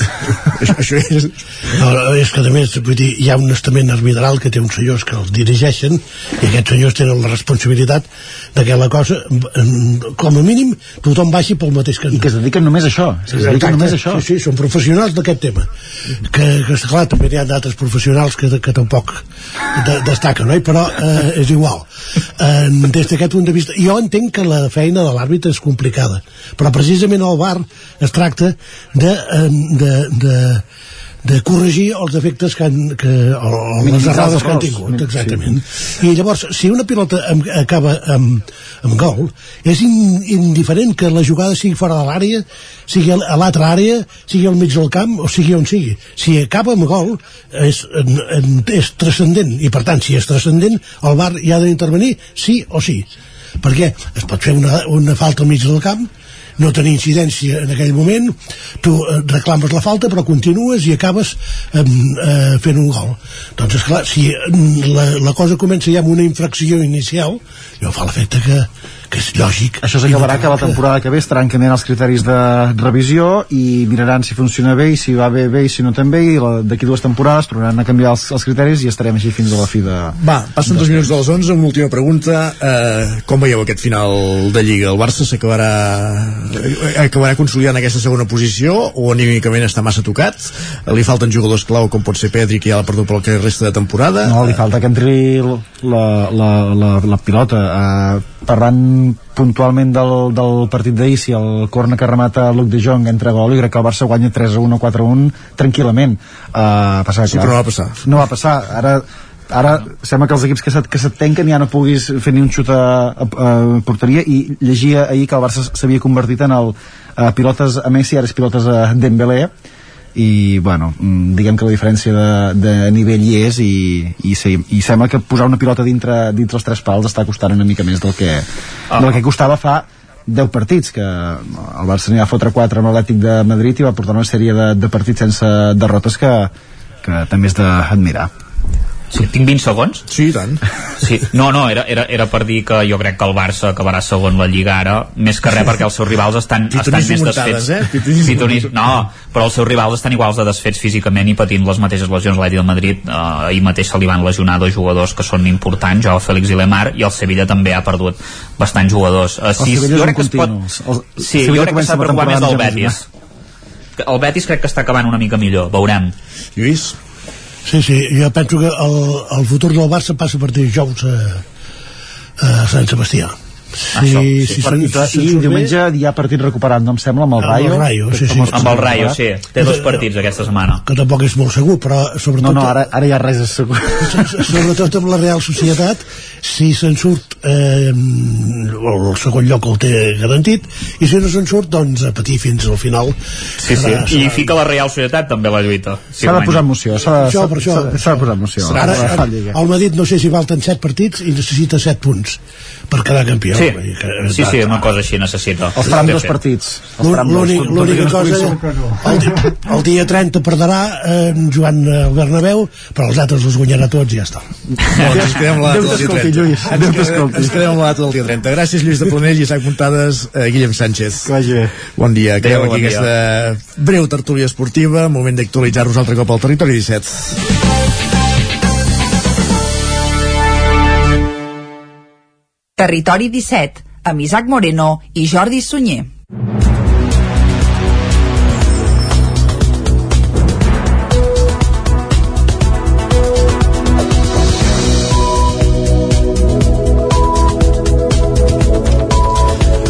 Passen 5 minuts de les 11, ens actualitzem al territori 17 i els expliquem que els accessos a Fontalba i d'Aió de baix tornaran a limitar-se l'accés de vehicles motoritzats. La veu de Sant Joan, Isaac Muntades. Després del bon funcionament de la iniciativa engegada durant l'any passat per regular l'accés motoritzat al Parc Natural de les Capçaleres del Ter i del Freser, les restriccions de vehicles es van reprendre durant aquestes vacances de Setmana Santa, concretament entre el 15 i el 18 d'abril, conjuntament amb la col·laboració de l'Ajuntament de Canalps. La prohibició era pels vehicles que volguessin accedir tant a la collada de Fontalba com a les gorgues del Freser i al paratge de Deió de Baix, una mesura que vol minimitzar la sobrefreqüentació de visitants en una zona fràgil on hi ha flora i fauna associada a aquests paratges naturals, com poden ser pastures de qualitat alta, zones d'especial protecció de les aus o vernedes i altres boscos de ribera. Les restriccions aniran més enllà de la Setmana Santa i en el cas de l'accés per la collada de Fontalba, una de les principals pistes forestals del Parc Natural, tant per fer l'ascensió al Puigmal com per fer el camí de Fontalba cap a la Vall de Núria, impediran que hi pugin més de 60 vehicles tots els caps de setmana de juny, juliol, setembre, octubre, cada dia del mes d'agost i els dies 6 i 24 de juny, 1, 2 i 26 de setembre, el 12 i 31 d'octubre i l'1 de novembre. Els horaris en què estarà prohibit entrar-hi seran de dos quarts de vuit del matí a dos quarts de vuit del vespre en els dies considerats més concorreguts i fins a dos quarts de dues en els que ho són menys. Per poder accedir-hi caldrà reserva prèvia i un pagament anticipat de 5 euros per dia. Hi haurà personal específic a les hores de restricció per informar els visitants sobre la regulació. Cap vehicle podrà estacionar a la nit a Fontalba ja que la pernoctació està prohibida per ordenança municipal. En el cas de l'accés a Daió de Baix, que és el punt de partida del camí que porta a peu cap a les Gorgues del Freser i Coma de Vaca, caldrà deixar el cotxe a l'aparcament que hi ha a pocs metres abans de finalitzar la pista i que té capacitat per a 44 places. També s'hauran de pagar 5 euros, però no serà necessari fer reserva prèvia. Només es pot estacionar a la zona habilitada i no es poden aparcar vehicles al llarg de la pista pavimentada de Daió ni tampoc a la placeta que hi ha al final de la pista ni a la carretera del Serrat. La prohibició d'aparcament serà de les 9 del matí a les 2 de la tarda durant tots els caps de setmana de juny, juliol, setembre, cada dia del mes d'agost, els dies 6 i 24 de juny, les dues primeres setmanes de setembre i el dia 26 d'aquell mes, i el primer cap de setmana d'octubre. Totes aquestes limitacions no afecten els veïns de Caralps ni els pagesos i ramaders de la zona. Gràcies, Isaac. Del Ripollès cap al Vallès Oriental, Martí Rosàs és el nou president de la Federació d'ADFs del Vallès Oriental. El veí de les franqueses del Vallès és el cap operatiu de l'ADF Montseny Congost. Ràdio Televisió Cardedeu, Núria Lázaro. Martí Rosàs, veí de les franqueses i cap operatiu de l'agrupació de defensa forestal Montseny Congost, és el nou president de la Federació d'ADF del Vallès Oriental. Substitueix Jordi Puigol de Llinars del Vallès. Rosàs va ser escollit dijous de la setmana passada en una assemblea a Llinars. A banda de Rosàs, la nova junta estarà formada per Miquel Àngel Villamuera de Sant Pere de Vilamajor, que n'és el vicepresident, Jordi Sola de la Garriga, que serà el secretari, i queda per determinar qui serà el tresorer. La Junta es completarà amb els vocals que designaran cadascuna de la dotzena d'ADF que integren la federació. Rosas ha explicat els quatre objectius principals que volen tirar endavant. Treballar perquè es tingui en compte la propietat en la gestió dels boscos, impulsar contactes amb les administracions, generar una formació comuna per als membres de totes les ADF de la comarca i ser presents al carrer organitzant debats, participant en fires i actes i difonent les seves accions a les xarxes socials. Gràcies, Núria. Els Mossos d'Esquadra, d'altra banda, desmantellen un grup criminal especialitzat organitzant macrofestes il·legals durant la pandèmia. N'havien portat a terme a cases de turisme rural d'Osona. Els Mossos d'Esquadra han desmantellat un grup criminal especialitzat en organitzar macrofestes il·legals durant la pandèmia. S'han detingut a tres persones a qui s'atribueixen almenys 25 delictes d'estafa i falsificació documental. Els presumptes autors es dedicaven a celebrar esdeveniments en habitatges de turisme rural sense el consentiment dels propietaris i sense abonar l'import del lloguer de l'espai, el material d'hostaleria ni tampoc la compra o contractació de serveis bàsics. D'aquesta manera obtenien de forma íntegra el benefici del conjunt d'assistents a la festa, fruit de la venda d'entrades i també de les consumicions. La investigació estima en uns 200.000 euros la quantitat que haurien defraudat. Entre els habitatges on van actuar n'hi ha Osona, però també al Maresme, la Noguera, el Garraf, el Pla de l'Estany, l'Alt Camp, el Baix Empordà, el Gironès, el Bages, la Selva o el Tarragonès. Els presumptes autors contactaven amb els responsables dels habitatges de turisme rural o amb les empreses de serveis ocultant sempre la seva identitat. Enviaven per e-mail o missatgeria instantània un justificant de transferència bancària amb dades falses fent creure al destinatari que per la proximitat del cap de setmana el pagament no es faria efectiu fins al cap d'uns dies. Tot i que l'aforament dels habitatges que llogaven no excedia als 10 o 15 residents, la quantitat final de persones que assistien a les festes s'estimava entre 300 i fins i tot 400 persones. Els investigats no donaven la ubicació del lloc fins ben entrada la nit per reduir d'aquesta manera els riscos d'una eventual actuació policial. Els tres detinguts van passar a disposició, a disposició judicial divendres passat amb més de 25 fets en conjunt imputats al grup i l'autoritat judicial va decretar-ne la llibertat amb càrrecs. A banda dels fets penals que se'ls atribueixen, també es van tramitar denúncies per l'incompliment de la normativa sanitària en prevenció de la Covid. Vic inaugurarà la nova Biblioteca Pilarín Vallès el mes d'octubre. Quan queden sis mesos perquè això passi, l'Ajuntament ha iniciat aquesta setmana la itinerància d'una maqueta del nou equipament que circularà per diferents espais municipals. Una B i una B alta de costat. Aquesta és la nova imatge corporativa de la Biblioteca Pilarín Vallès de Vic, creada per Eumo. S'hi poden veure clarament les dues inicials del nom del nou equipament que s'inaugurarà el proper mes d'octubre. Fins llavors, una maqueta a escala de la nova biblioteca, juntament amb una sèrie de plafons informatius, circularan per una vintena d'espais municipals perquè la ciutadania pugui conèixer l'abast del nou projecte. Ho explica la regidora de Cultura de l'Ajuntament de Vic, Bet Piella. Tindrà tots els espais d'una biblioteca com són els espais d'estudi, de, de lectura i de silenci, però al costat hi ha un projecte molt més potent que és tot el projecte sociocultural que hi hem associat. Vol ser un projecte comunitari i, tindrem educadors socials i tindrem un tècnic especialista en um, producció musical i tindrem un tècnic d'activitats socioculturals. I formaran part de tot aquest espai de dinamització sociocultural que va al costat de la biblioteca però no són estrictament bibliotecaris i bibliotecàries. Per exemple, s'hi ubicarà l'Espai Lab per acollir-hi residències musicals. També s'hi traslladarà l'Oficina d'Atenció Ciutadana del Remei i l'aula multilingüe. Alhora es comptarà amb una sala d'actes, un bar-restaurant i un jardí on s'hi podran fer esdeveniments culturals i socials. Aquest mes d'abril, la constructora ja entregarà la biblioteca acabada a l'Ajuntament. Llavors arribarà el moment d'equipar-la per dins i traslladar-hi durant els mesos d'estiu els 80.000 volums que ara hi ha a la Biblioteca Joan Triadú, cosa que obligarà a tancar l'equipament durant almenys dos mesos. Quan el trasllat estigui fet, l'actual Biblioteca Joan Triadú es convertirà en el setè centre cívic de la ciutat de Vic i serà la llavor de la futura aula d'Humanitats. Ho detalla Bet Piella. El centre cívic de la Triadú serà un centre cívic amb totes les activitats com qualsevol altre centre cívic de la ciutat, únicament que tindrà l'accent en les humanitats. Sí que volem mantenir és un, un petit espai de lectura de premsa, que hi hagi també un espai d'estudi i un punt de préstec de llibres. La Triadú, eh, ja us dic, us convertirà en un dels espais expositius centrals de la ciutat i ens permetrà acollir exposicions que potser en alguna ocasió no es podien acollir aquí a Vic, doncs ara tindrem un nou espai perquè evidentment les dimensions ho permeten. Al claustre, per exemple, s'hi exposarà l'obra de grans dimensions de Josep Maria Cert, que es va treure de la Capella Fonda de la Pietat. Per cert, que tots els noms finalistes al procés participatiu que es va fer a l'hora de batejar la nova biblioteca també es faran servir per denominar alguns dels nous espais de la Pilarín Vallès. Gràcies, Jordi. Encara en l'àmbit cultural, per Sant Jordi torna el Deixar Llibres, la campanya d'intercanvi de llibres de segona mà de les deixalleries del Vallès Oriental.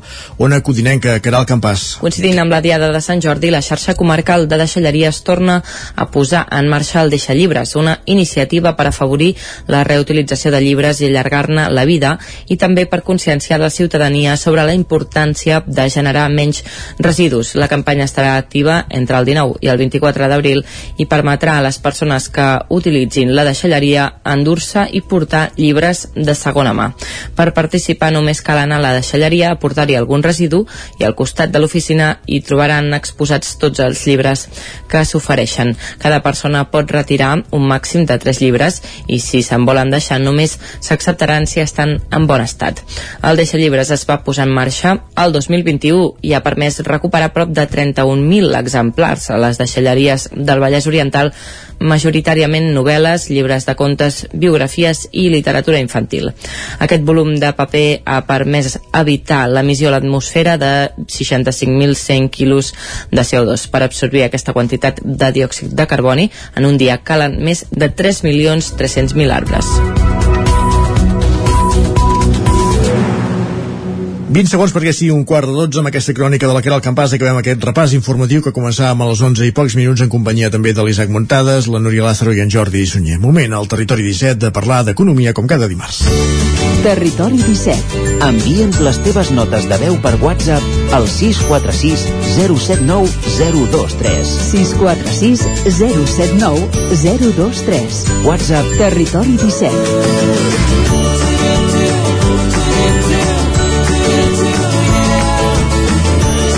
Territori 17.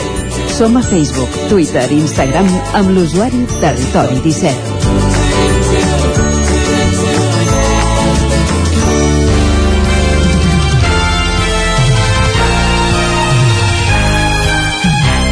I per parlar d'economia com cada dimarts, al Territori 17 ens acompanya en Joan Carles Arredondo, cap d'Economia del 9-9 del Vallès Oriental. Bon dia, Joan Carles. Bon dia. I avui per parlar d'ajuts, dels ajuts que s'han ofert o, o, des d'Europa en, en, en el context de la pandèmia, per entendre'ns. Sí, estem, estem en una setmana amb la qual veurem en principi desaparèixer la generalitz... les mas mascaretes generalitzades, m'imagino que desaparèixer del tot no desapareixeran, uh -huh. i també venim d'una Setmana Santa que ha sigut més semblant a la de 2019 que no pas a la de 2021, eh? i per tant sembla que la pandèmia, que, que la pandèmia hagi quedat en, di en direm estacionada, eh? com si, com, com si l'haguéssim deixat al pàrquing, no? Mai, sí.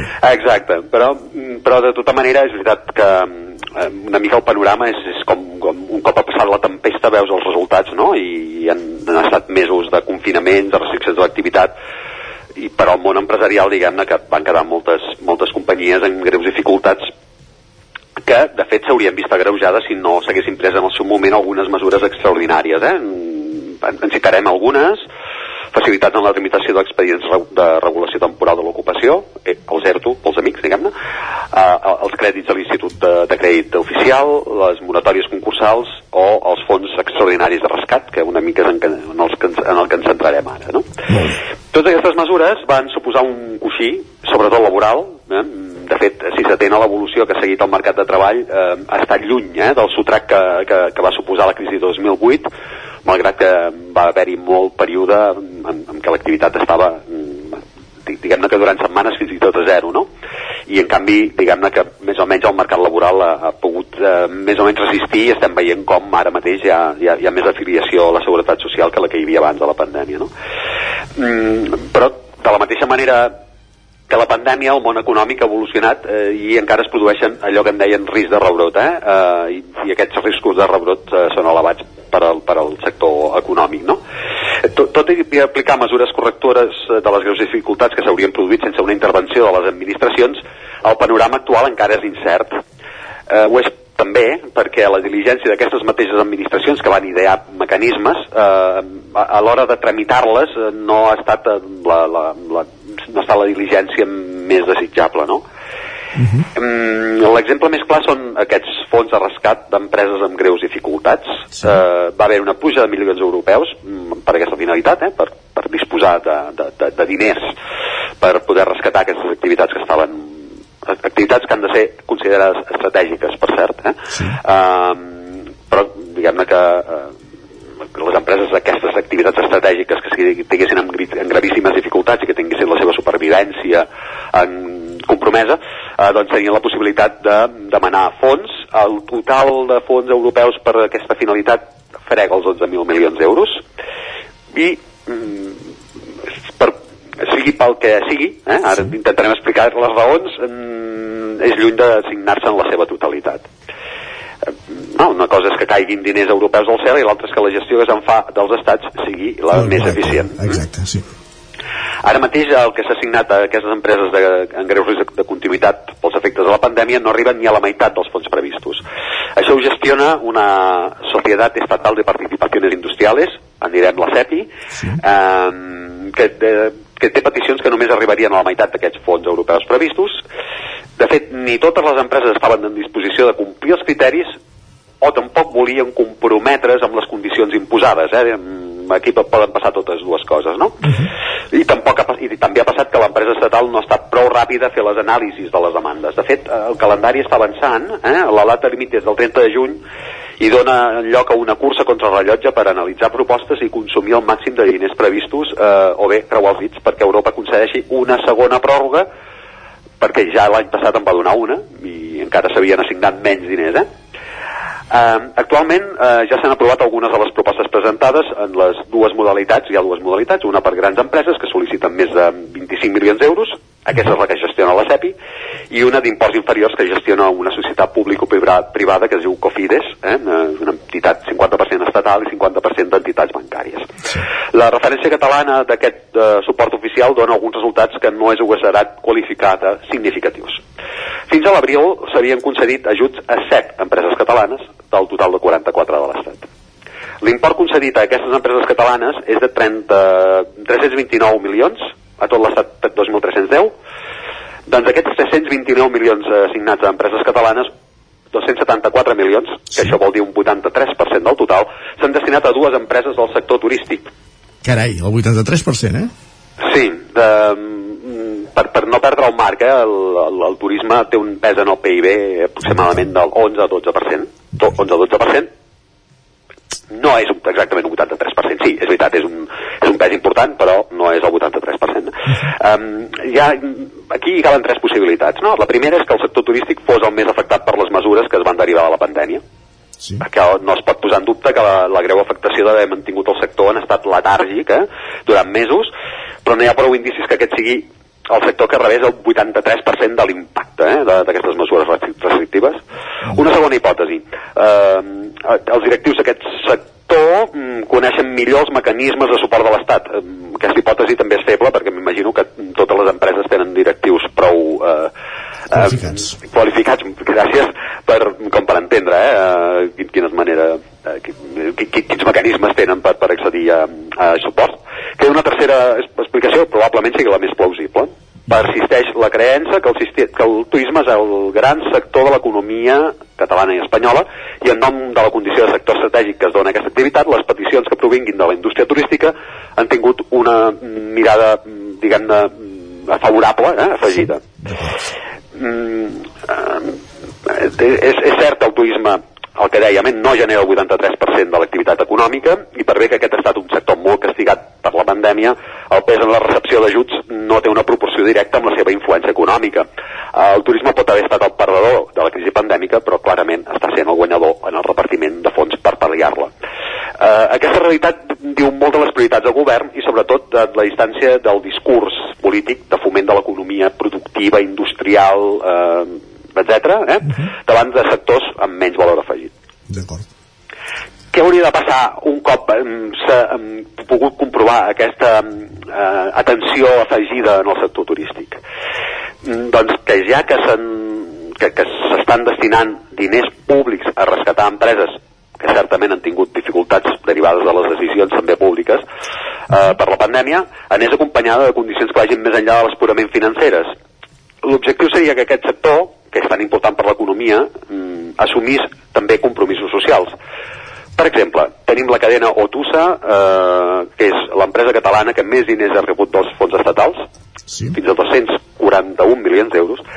Seria desitjable que no formés part de les pràctiques anunciades en el sector sobre les condicions laborals dels treballadors, ja siguin directes o indirectes. Eh? Eh, no, no sé, bé, bé, podríem parlar de... Eh, no, venen al cap les Kellys, eh? que, que estan molt mobilitzades perquè les condicions laborals, no només econòmiques, eh? no només salarials, sinó eh, quin, quin tipus de mesures de seguretat tenen, etc. Eh, doncs estaria bé que, que es comencessin a veure, diguem-ne, també que es preocupen eh, per, perquè el seu compromís social també també existeixi, ja que estan rebent públic, diners públics sense rebre'ls també, eh? Sí, sí. Però, però, però ja que els reben potser estaria bé que hi hagués una supervisió eh? de, de, de, com, de com s'estan de com s'estan desenvolupant aquest àmbit. El sistema de repartiment de fons d'ajut perpetuen una mirada sobre l'activitat productiva que respecte al mercat de treball no ha portat els millors resultats possibles. En el compendi d'accions de suport al món empresarial que va prendre el govern per pal·liar les seves pròpies mesures preventives, els ERTOs sí que s'han mostrat força eficients, però la resta també tenen algunes arestes delicades. Els ajuts directes en té força mmm, perquè no s'arriben a, a destinar tots els recursos possibles i el repartiment és, per dir-ho suau, qüestionable. Uh, els crèdits ICO uh, tenen amoïnades moltes empreses que confiaven a poder-los retornar sota la promesa d'una recuperació ràpida que realment no s'ha confirmat i que els increments de costos i la guerra d'Ucraïna converteixen en una quimera, eh? que, que es produeixi aquesta recuperació, que permeti a aquestes empreses poder retornar els crèdits ICO que van demanar en el seu moment, diguem-ne que és una dificultat. Uh, S'hauran d'allargar aquests crèdits o què? és, és, és bastant probable i s'estan això i sobretot les organitzacions empresarials hi estan, eh, estan insistint en això és a dir, escolta'm eh, hi havia la promesa que això es recuperaria ràpid no s'ha recuperat tan ràpid, hauríem de mirar alguna manera de o, o, o, o fer més carències o allargar els, els, els, terminis d'amortització, etc. No? Uh, I ara arribem a un altre, que això jo crec que serà matèria potser de parlar-ne més, més endavant, eh? Uh, el, el, el tema de la moratòria concursal. El titular de moment és que aquesta eh, és una mesura que està disparant el nombre d'empreses zombi. Eh, que és una empresa zombi? És aquella empresa incapaç d'obtenir prou recursos per pagar els deutes que té contrets. Eh, els auguris dels propers mesos no són exactament favorables en aquest sentit. Eh, veurem aparèixer ba- bastants casos d'empreses amb, amb dificultats. L'altre dia hi havia un informe, jo crec que una mica exagerat, eh? el, public, el publicava el, el Confidencial, la persona que el publicava, que és el Marcos Lamela, un periodista econòmic de gran trajectòria eh, a Catalunya, eh, apuntava que a Catalunya hi podria haver 20.000 eh, d'aquestes empreses eh, que estan en, en una situació que ni la seva pròpia activitat té capacitat de generar recursos per pagar els deutes. Eh, he, he vist altres estudis que són redueixen moltíssim eh, aquest nombre d'empreses perquè 20.000 em semblen moltíssimes sigui com sigui, estem parlant de milers d'empreses que quan acabi la moratòria concursal ja veurem com se'n surten. Moratòria concursal vol dir que no estàs obligat a presentar concurs de creditors tot i que eh, tinguis les condicions eh, que, que t'hi portarien, eh? Eh, I això està allargat fins a final de juny. D'acord. Doncs eh, anirem seguint tot plegat l'evolució d'aquests ajuts eh, en les properes setmanes i mesos, segurament. Joan Carles Arredondo, gràcies per ser una, un dimarts més a, al Territori 17 i posar-nos llums en aquests aspectes econòmics. Gràcies a vosaltres. Bon dia. Bon dia. I ara al Territori 17 el que fem és una pausa i encarem la recta final del programa. Passarem per l'R3 amb les cròniques diàries que recull l'Isaac Muntades, però de seguida estem d'estrena en aquest Territori Dona, que avui s'estrena al Territori 17 a la recta final de, dels dimarts. Fins ara mateix. El nou FM, la ràdio de casa, al 92.8. Arriba la primavera i tornen les samarretes. A Gràfic Cert tenim una extensa varietat de samarretes per vestir el teu personal, promocionar la teva empresa, club esportiu, associació... Si estàs organitzant un esdeveniment esportiu o una festa cultural, una samarreta és una bona opció per lluir la teva marca. Ja ho saps, si el que necessites per la teva promoció és una samarreta, Gràfic Cert és el teu proveïdor. I ara també tenim a la teva disposició samarretes 100% reciclades tant de cotó com de polièster.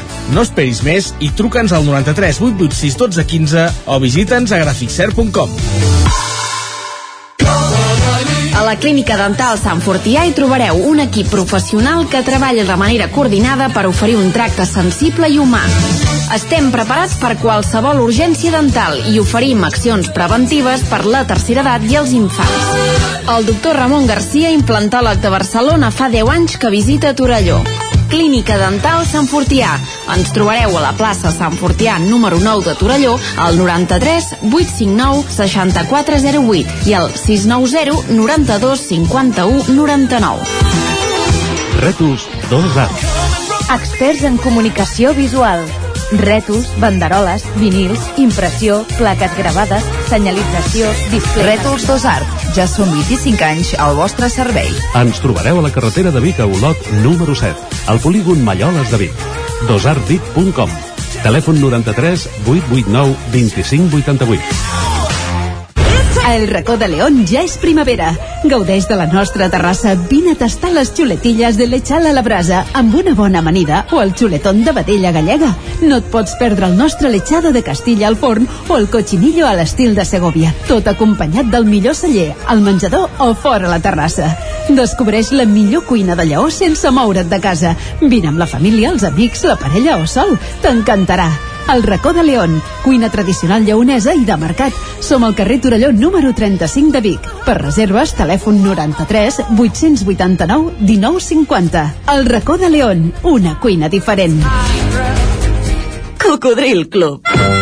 Si t'agrada la bona música dels anys 60, 70 i 80, escolta el 9 FM als matins de dissabtes i diumenges d'11 a 1.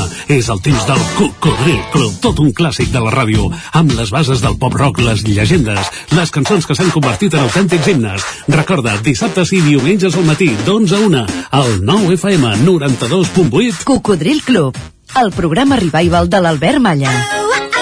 Hasta luego, cocodrilo. El nou FM, el nou FM, el nou FM, el nou FM, el nou FM.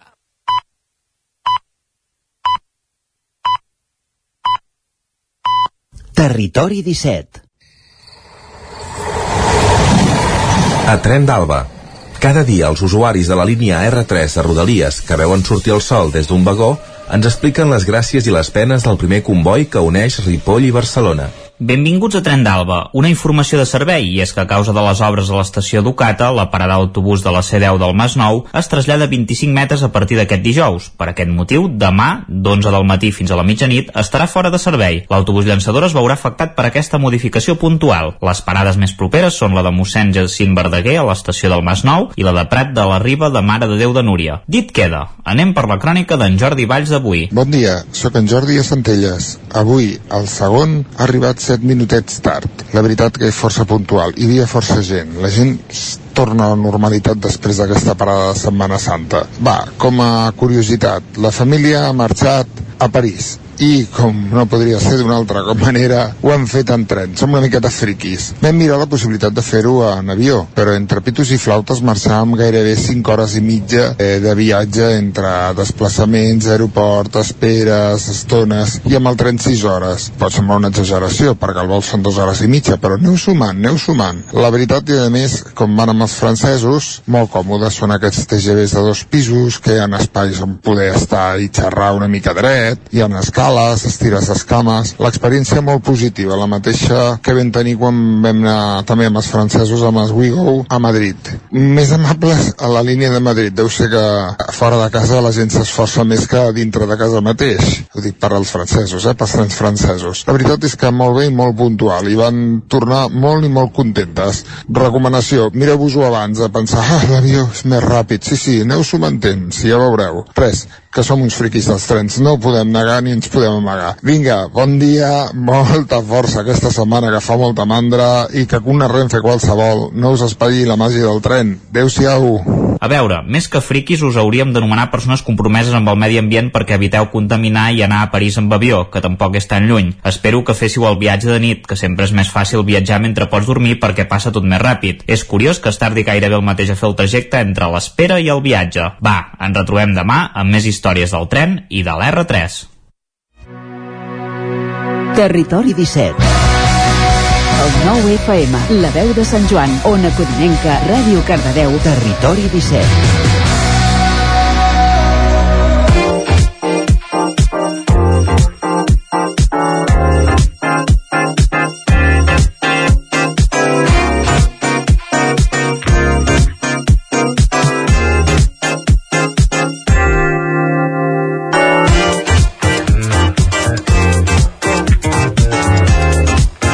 3 minuts clavats que passen de dos quarts de 12 i el territori 17, com dèiem, estem d'estrena i per explicar aquesta estrena i per aprofundir-hi, el primer de tot el que fem és saludar la Maria López, que és la responsable d'aquesta estrena. Bon dia, Maria.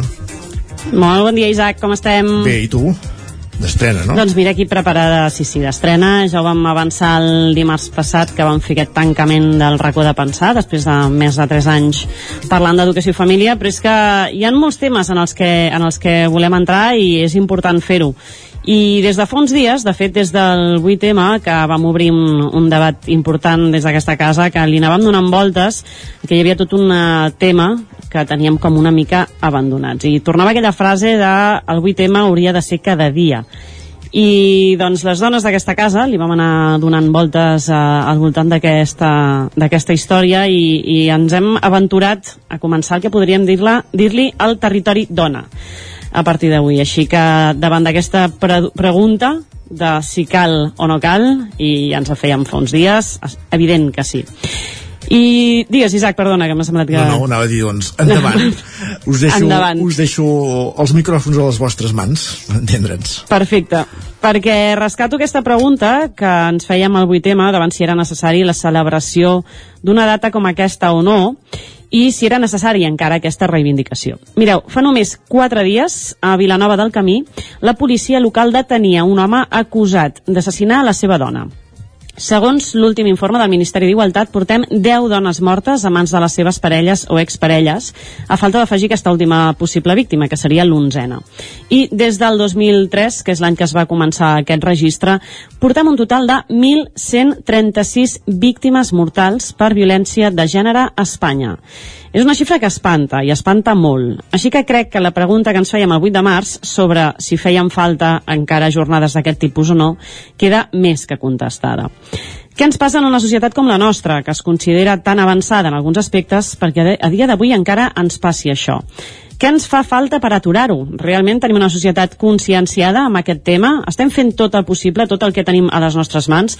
I si mirem encara una mica més enllà, què passa arreu del món amb tot aquest tema? Doncs moltes d'aquestes preguntes i, i entrant en, aquests, en aquestes situacions més de violència de gènere, eh, micromasclismes i en totes aquestes eh, petites coses i no tan petites entrarem al llarg de les properes setmanes amb aquesta nova secció, però avui de moment rescatem aquest tema davant d'aquesta última víctima de Vilanova del Camí.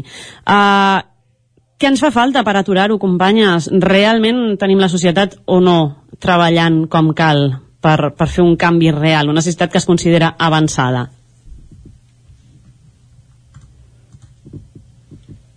Bé, bon dia. Uh... Bon dia, si ara sabia si estava...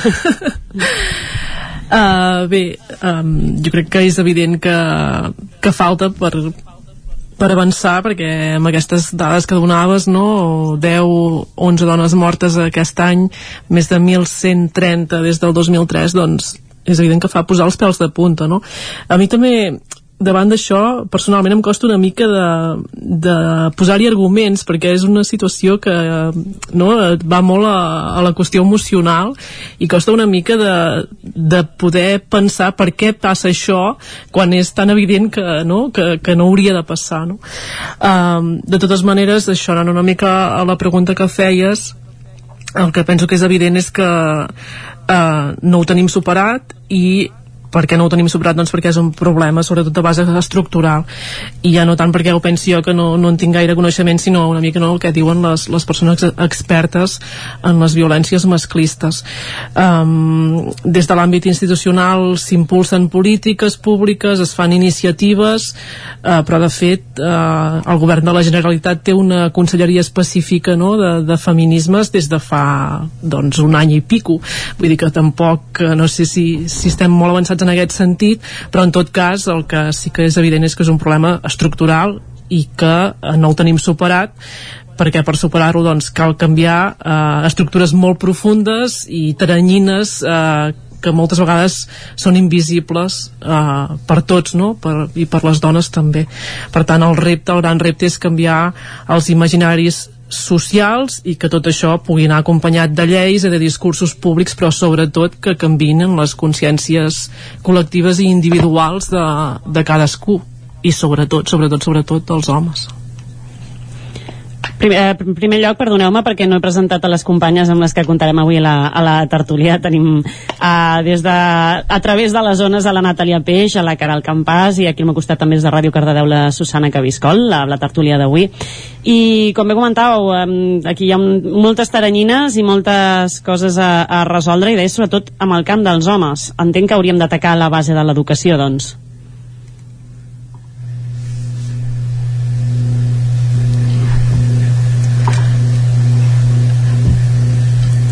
Em Ah, sents, sí? Sí, jo sí. Uh, Sí, sí. Jo pensava si intervenia el, En, no, dic, altre entenc que et refereixes al... Sí, sí, sí. Uh, L'educació segur que és un pilar imprescindible, uh, però segurament també cal anar a moltes altres qüestions, no? A, a com es configura, uh, per exemple, la masculinitat dels homes, no? Què és la masculinitat, quins referents hi ha, uh, com es construeixen aquestes masculinitats, perquè també un dels problemes no? que, que també expliquen les persones que treballen en aquests camps és que en les persones joves i en els nois joves s'estan reproduint molt aquestes uh, conductes no? de, de, de masclismes, de masclismes quotidians i que llavors això doncs, també va, és el pòsit no? sobre el qual s'estructuren aquestes violències que poden acabar en, en l'assassinat per això també bueno, és una qüestió que suposo que també en parlarem d'aquest iceberg de, de la violència de les violències masclistes no? que realment quan hi ha un assassinat el que som és a dalt de tot de la punta de l'iceberg no? a sota de, del mar hi ha tota una massa de, de gel hi ha tota una massa de, de conductes de masclismes quotidians de llenguatges sexistes de, de culpabilitzacions, d'humiliacions tot això és el, el pòsit no? aquesta estructura sobre la qual eh, germina una violència molt més evident i molt més manifesta i fins i tot doncs, fins a arribar a, a l'extrem eh, salvatge absolut de, de, matar, de matar una persona no?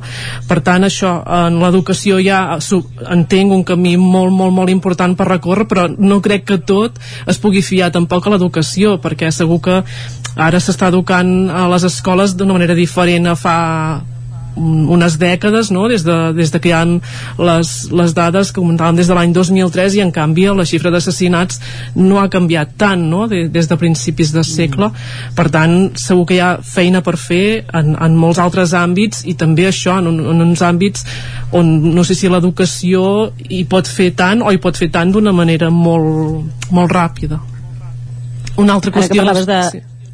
Una altra Digues, qüestió també és Natàlia. en això, en la construcció de les masculinitats i, i, i també de les relacions eh, sexoafectives, no? que aquí també crec que hi ha un, un camí molt, molt important per fer en, en com ens eduquem les dones i els homes a l'hora de relacionar-nos eh, això sexoafectivament i, i que aquí també hi intervé molt també eh, pel que expliquen les persones que hi entenen la pornografia i els models eh, en els quals els nois sobretot doncs entenen o poden entendre la, la manera de relacionar-se sexualment amb les noies Mm -hmm.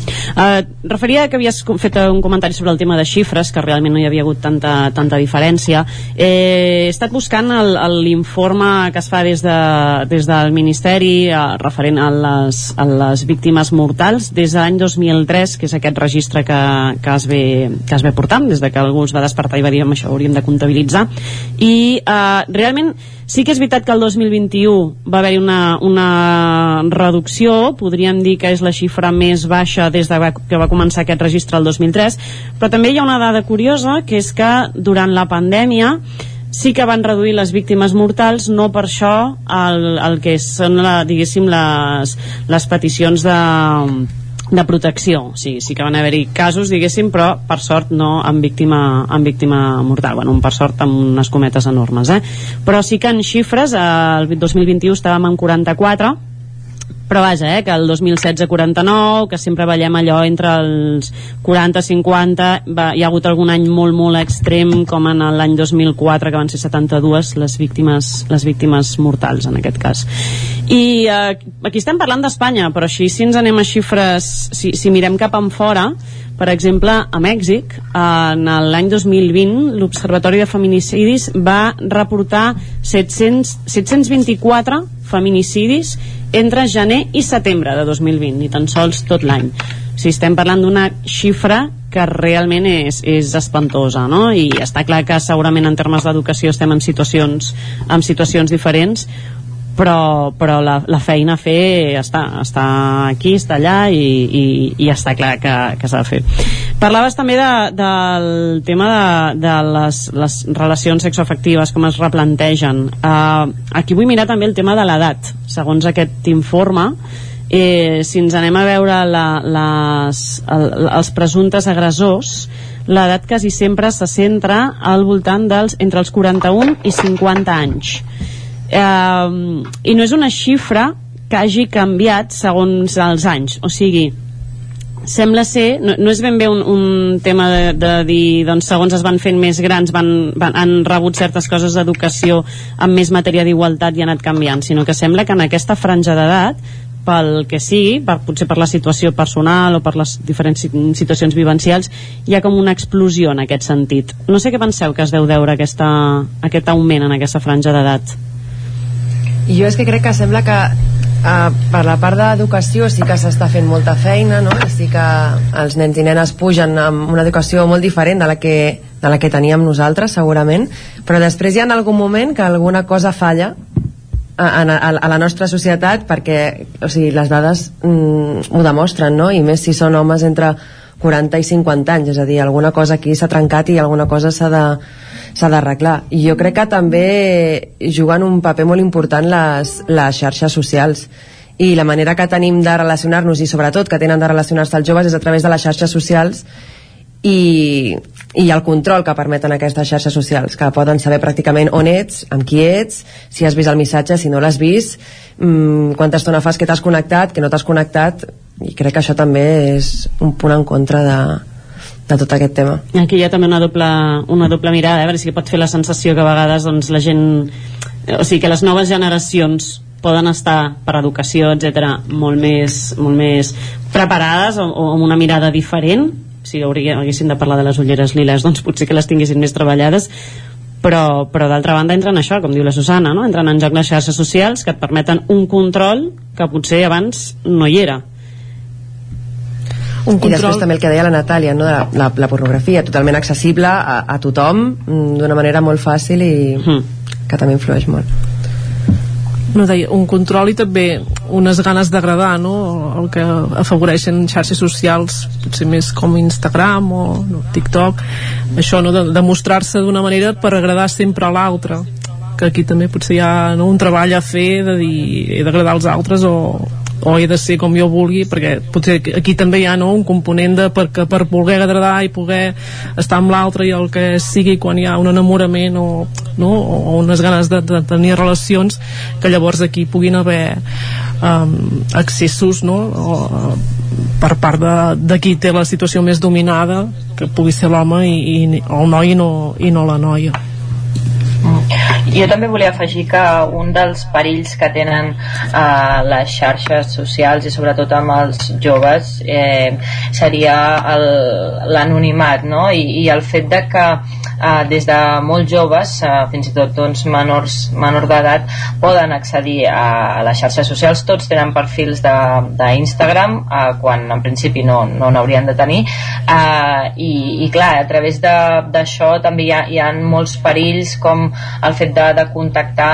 amb persones desconegudes eh, que poden arribar a voler un mal per, per aquell jove que s'ha connectat i, i estan molt desprotegits en aquest sentit i això a, a, a facilita també que pugui haver jo penso fins i tot agressions a, en aquest sentit eh, unes agressions que, que també estan eh, sospesades no diria des, de, des del patriarcat i des de des d'homes que se senten doncs, amb el poder o la potestat de fer el que vulguin amb, amb persones això, menors d'edat que estan penso desprotegides en aquest sentit uh -huh. Us porto més dades també eh, a partir d'aquest informe que parlàvem eh, des del, des de, sobre la violència de gènere sobre les víctimes mortals. Eh, respecte a aquestes víctimes mortals eh, si parlem de l'any 2022 amb aquestes 10 que tenim de partida havien sol·licitat o sigui, hi havia denúncia prèvia amb sol·licitud de mesures un 66% la resta no havien demanat mesures fins a quin punt el fet de demanar mesures o no, o sigui, evidentment sempre hi ha la, la, la, la campanya i, i la confiança en, en, en la conscienciació de ep, denuncia, perquè si no denuncies evidentment no es pot fer res, però fins a quin punt realment les dones després, un cop han denunciat se senten protegides o al revés, pel fet de denunciar passen a sentir-se més vulnerables ja ens, toma pregunta ja ens, què penseu? O sigui, penseu que part de la por de fer la denúncia és que l'agressor, la, la situació amb l'agressor encara pugui ser pitjor? Per què hi ha tanta por a denunciar? Sí, sí, jo, jo coincideixo amb que la por no, de, de, de denunciar i el fet de que no es denunciï eh, és per, bueno, per, per les eh, conseqüències que la dona, doncs la víctima pot, pot pensar que pot tenir eh, respecte a doncs, la seva parella o la persona que, que l'estigui maltractant.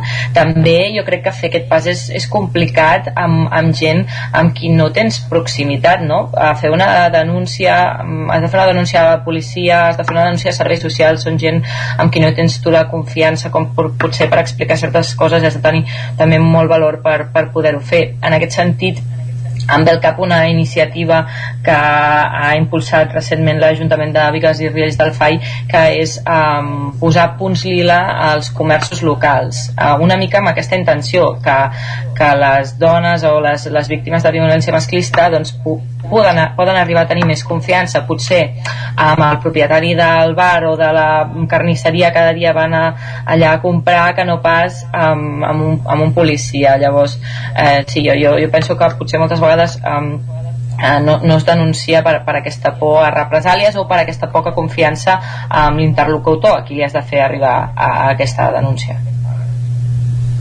mm -hmm. Sí, que ha en el el que comentàveu ara ja la qüestió aquesta de la revictimització no? del fet d'haver d'explicar eh, a una, dues o tres persones eh, en una situació de tràmit no? algú està allà prenent nota o el que sigui eh, una situació de violència doncs no és fàcil no? també clar arribar a fer el pas de denunciar ja, ja és tot un procés no? també pel, pel que s'explica vull dir que primer s'ha de poder identificar que, que un, un, un mateix o una mateixa és víctima d'una situació de violència, que això ja, ja és un procés, i llavors fer el pas de, de poder-ho explicar, de poder buscar ajuda. Clar que hi ha diferents qüestions. Una és la importància de l'entorn, no? de, de que l'entorn, si té alguna sospita, algun senyal d'alerta, pugui actuar, pugui fer de, no? de una mica d'estirar de, la persona, no, no sé si per anar a denunciar o no, però en tot cas cas per, per poder oferir ajuda d'algun tipus no? Que, que no sigui només la denúncia um, això una qüestió l'altra qüestió és clar, que moltes vegades aquesta violència es produeix uh, en, en, dins no? de, en parelles en, situ, o sigui, en famílies que hi pot haver fills llavors aquí també hi ha molts components que poden frenar el fet de fer la denúncia i l'altre és l'efectivitat no, de, de la denúncia és a dir, és evident que el sistema ha de protegir les dones però segurament també ho ha de fer d'una manera millor no? quan realment hi ha la denúncia i hi ha un sistema de protecció activat que aquesta protecció sigui eficient i funcioni jo crec que has dit una cosa clau, Natàlia, que és el, el fet aquest de, de ser conscient que ets mm, víctima perquè, com bé deies, no? si estàs en l'entorn de, de, la teva, de la teva parella eh, i, i d'alguna manera un entorn que se suposa que és de confiança, arribar a fer aquest, a, aquest canvi de mirada no? i ser conscient de que estàs sent víctima i, i crec que més enllà, un cop fins i tot sabent-ho, està disposat a tots els canvis que suposaran la teva vida fer aquella denúncia suposo que, el, que el, la part difícil deu radicar en, en acceptar que la teva vida ha de canviar perquè t'està passant això i que no hi ha opció de que aquella persona canvi que jo imagino que és el que es deu agafar moltíssimes el, el, el, el clau com es diu, el clau bullint no? que es deuen agafar moltes dones pensar que realment aquella situació canviarà Sí, això, una qüestió hi pot haver aquesta vinculació afectiva però també potser situacions de dependència econòmica, no? que això també poden fer molt difícil un pas d'aquest tipus, de dir mm, jo sola me'n podré sortir, tindré les opcions. Segurament va molt més enllà eh, de tot això perquè també estem parlant de temes sobre els quals doncs eh, és, és difícil des d'un cert desconeixement però no seguint una mica el que, el que s'explica és això, vull dir, els processos de, de violència comencen amb qüestions molt petites i, i, no? I, i van increixendo i hi ha moltes, segurament hi ha moltes dependències, no? hi pot haver dependències econòmiques, dependències emocionals eh, la dificultat de trobar suport per poder sortir d'aquí i és aquí no? on, on, on el sistema, on la societat ha de poder ajudar de manera clara. Jo també penso que el sistema i la societat ha de ser capaç d'ajudar en el post, no? que potser és una cosa que està una mica eh, deixada de banda i és no, la recuperació psicològica d'aquestes víctimes vull dir, eh, moltes vegades hi ha síndrome d'estrès posttraumàtic o altres depressions, ansietats um, que duren potser molts anys o, o tota la vida uh, i s'ha de, de fer s'ha d'incidir aquí jo crec també. No, no, acaba, no, no acabaria el procés no, amb una denúncia un, unes mesures cautelars o un, bueno, no, no acabaria fins, fins on arriba a l'àmbit judicial sinó que penso que mm, després ja hi hauria d'haver uh, desconec si és, jo suposo que no un, un seguiment uh, psicològic, suport psicològic a, a les conseqüències d'aquella situació jo m'imagino pel, pel, que, que d'alguna manera sí que el, el, en el moment en què entra en un procés judicial en aquest cas la, la persona acusada que és on, on ha de radicar o sigui, és que hi ha dos vies, eh? una la persona que has de, de reforçar per, per sortir d'una situació de víctima de violència de gènere i després la reeducació o, i reinserció d'una persona que ha sigut agressora perquè de, no serveix de res si d'alguna manera hi ha càstig però no hi ha, no hi ha reeducació. Eh, i aquí és on jo no tinc del tot clar fins a quin punt la, el, el post que es fa amb els agressors inclou la reeducació d'aquests agressors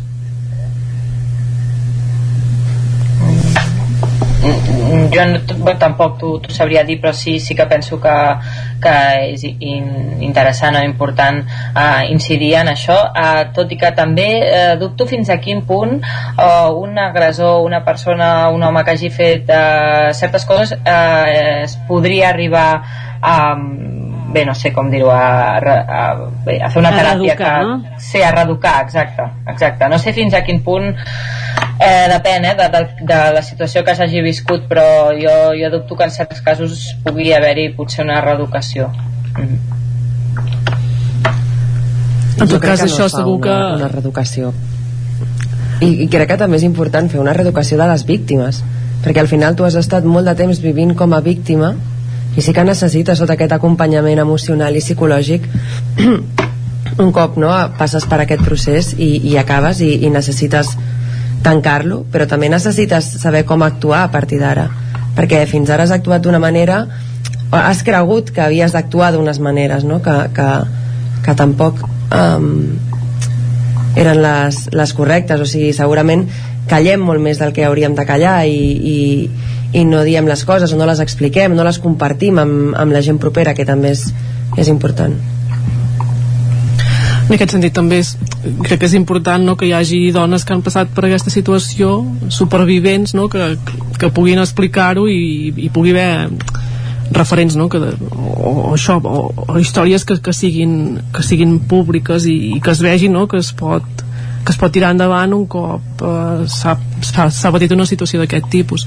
En tot cas això pel que comentàveu de, del que cal fer després eh, diguem, a nivell, a nivell legal segur que, que es poden fer moltíssimes coses no? es, pot, es poden crear programes es poden fins i tot potser endurir eh, el, els delictes per als agressors però no sé si això pot solucionar bueno, que no, o sigui el, el problema d'arrel no el soluciona no? el problema d'arrel és en un altre lloc i, i és aquí on, on caldria incidir ja d'una manera mm, urgentíssima per començar a revertir aquesta situació no?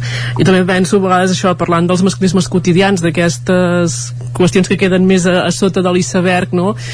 de, del que costa moltes vegades a, a, a tots ens costa, no? a totes les persones um, fer una mica de revisió no? interna i, i situar-te en una tessitura d'autoanalitzar-te i de veure què pots haver fet bé, què no i jo crec que en general això ens costa molt a, a tothom però en els homes eh, els hi costa molt fer aquest exercici de, de pensar realment no? de, de construir-se una mica de veure què, què, què hi ha de pòsit de, de la societat patriarcal en, tot, en tots i totes nosaltres i de fer l'exercici no? de, de començar a anar enrere per llavors tornar a anar endavant d'una altra manera Uh mhm. -huh. Noies, ens arriba aquesta música que ens avisa que arribem al final de la tertúlia.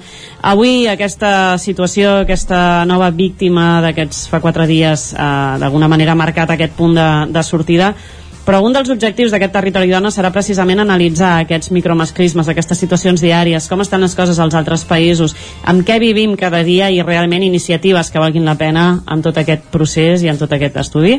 Uh, ens veurem dimarts vinent amb un nou territori dona i per debatre i estudiar què podem fer tota la vessant feminista Adeu i acabem el territori 17 també. Fins demà.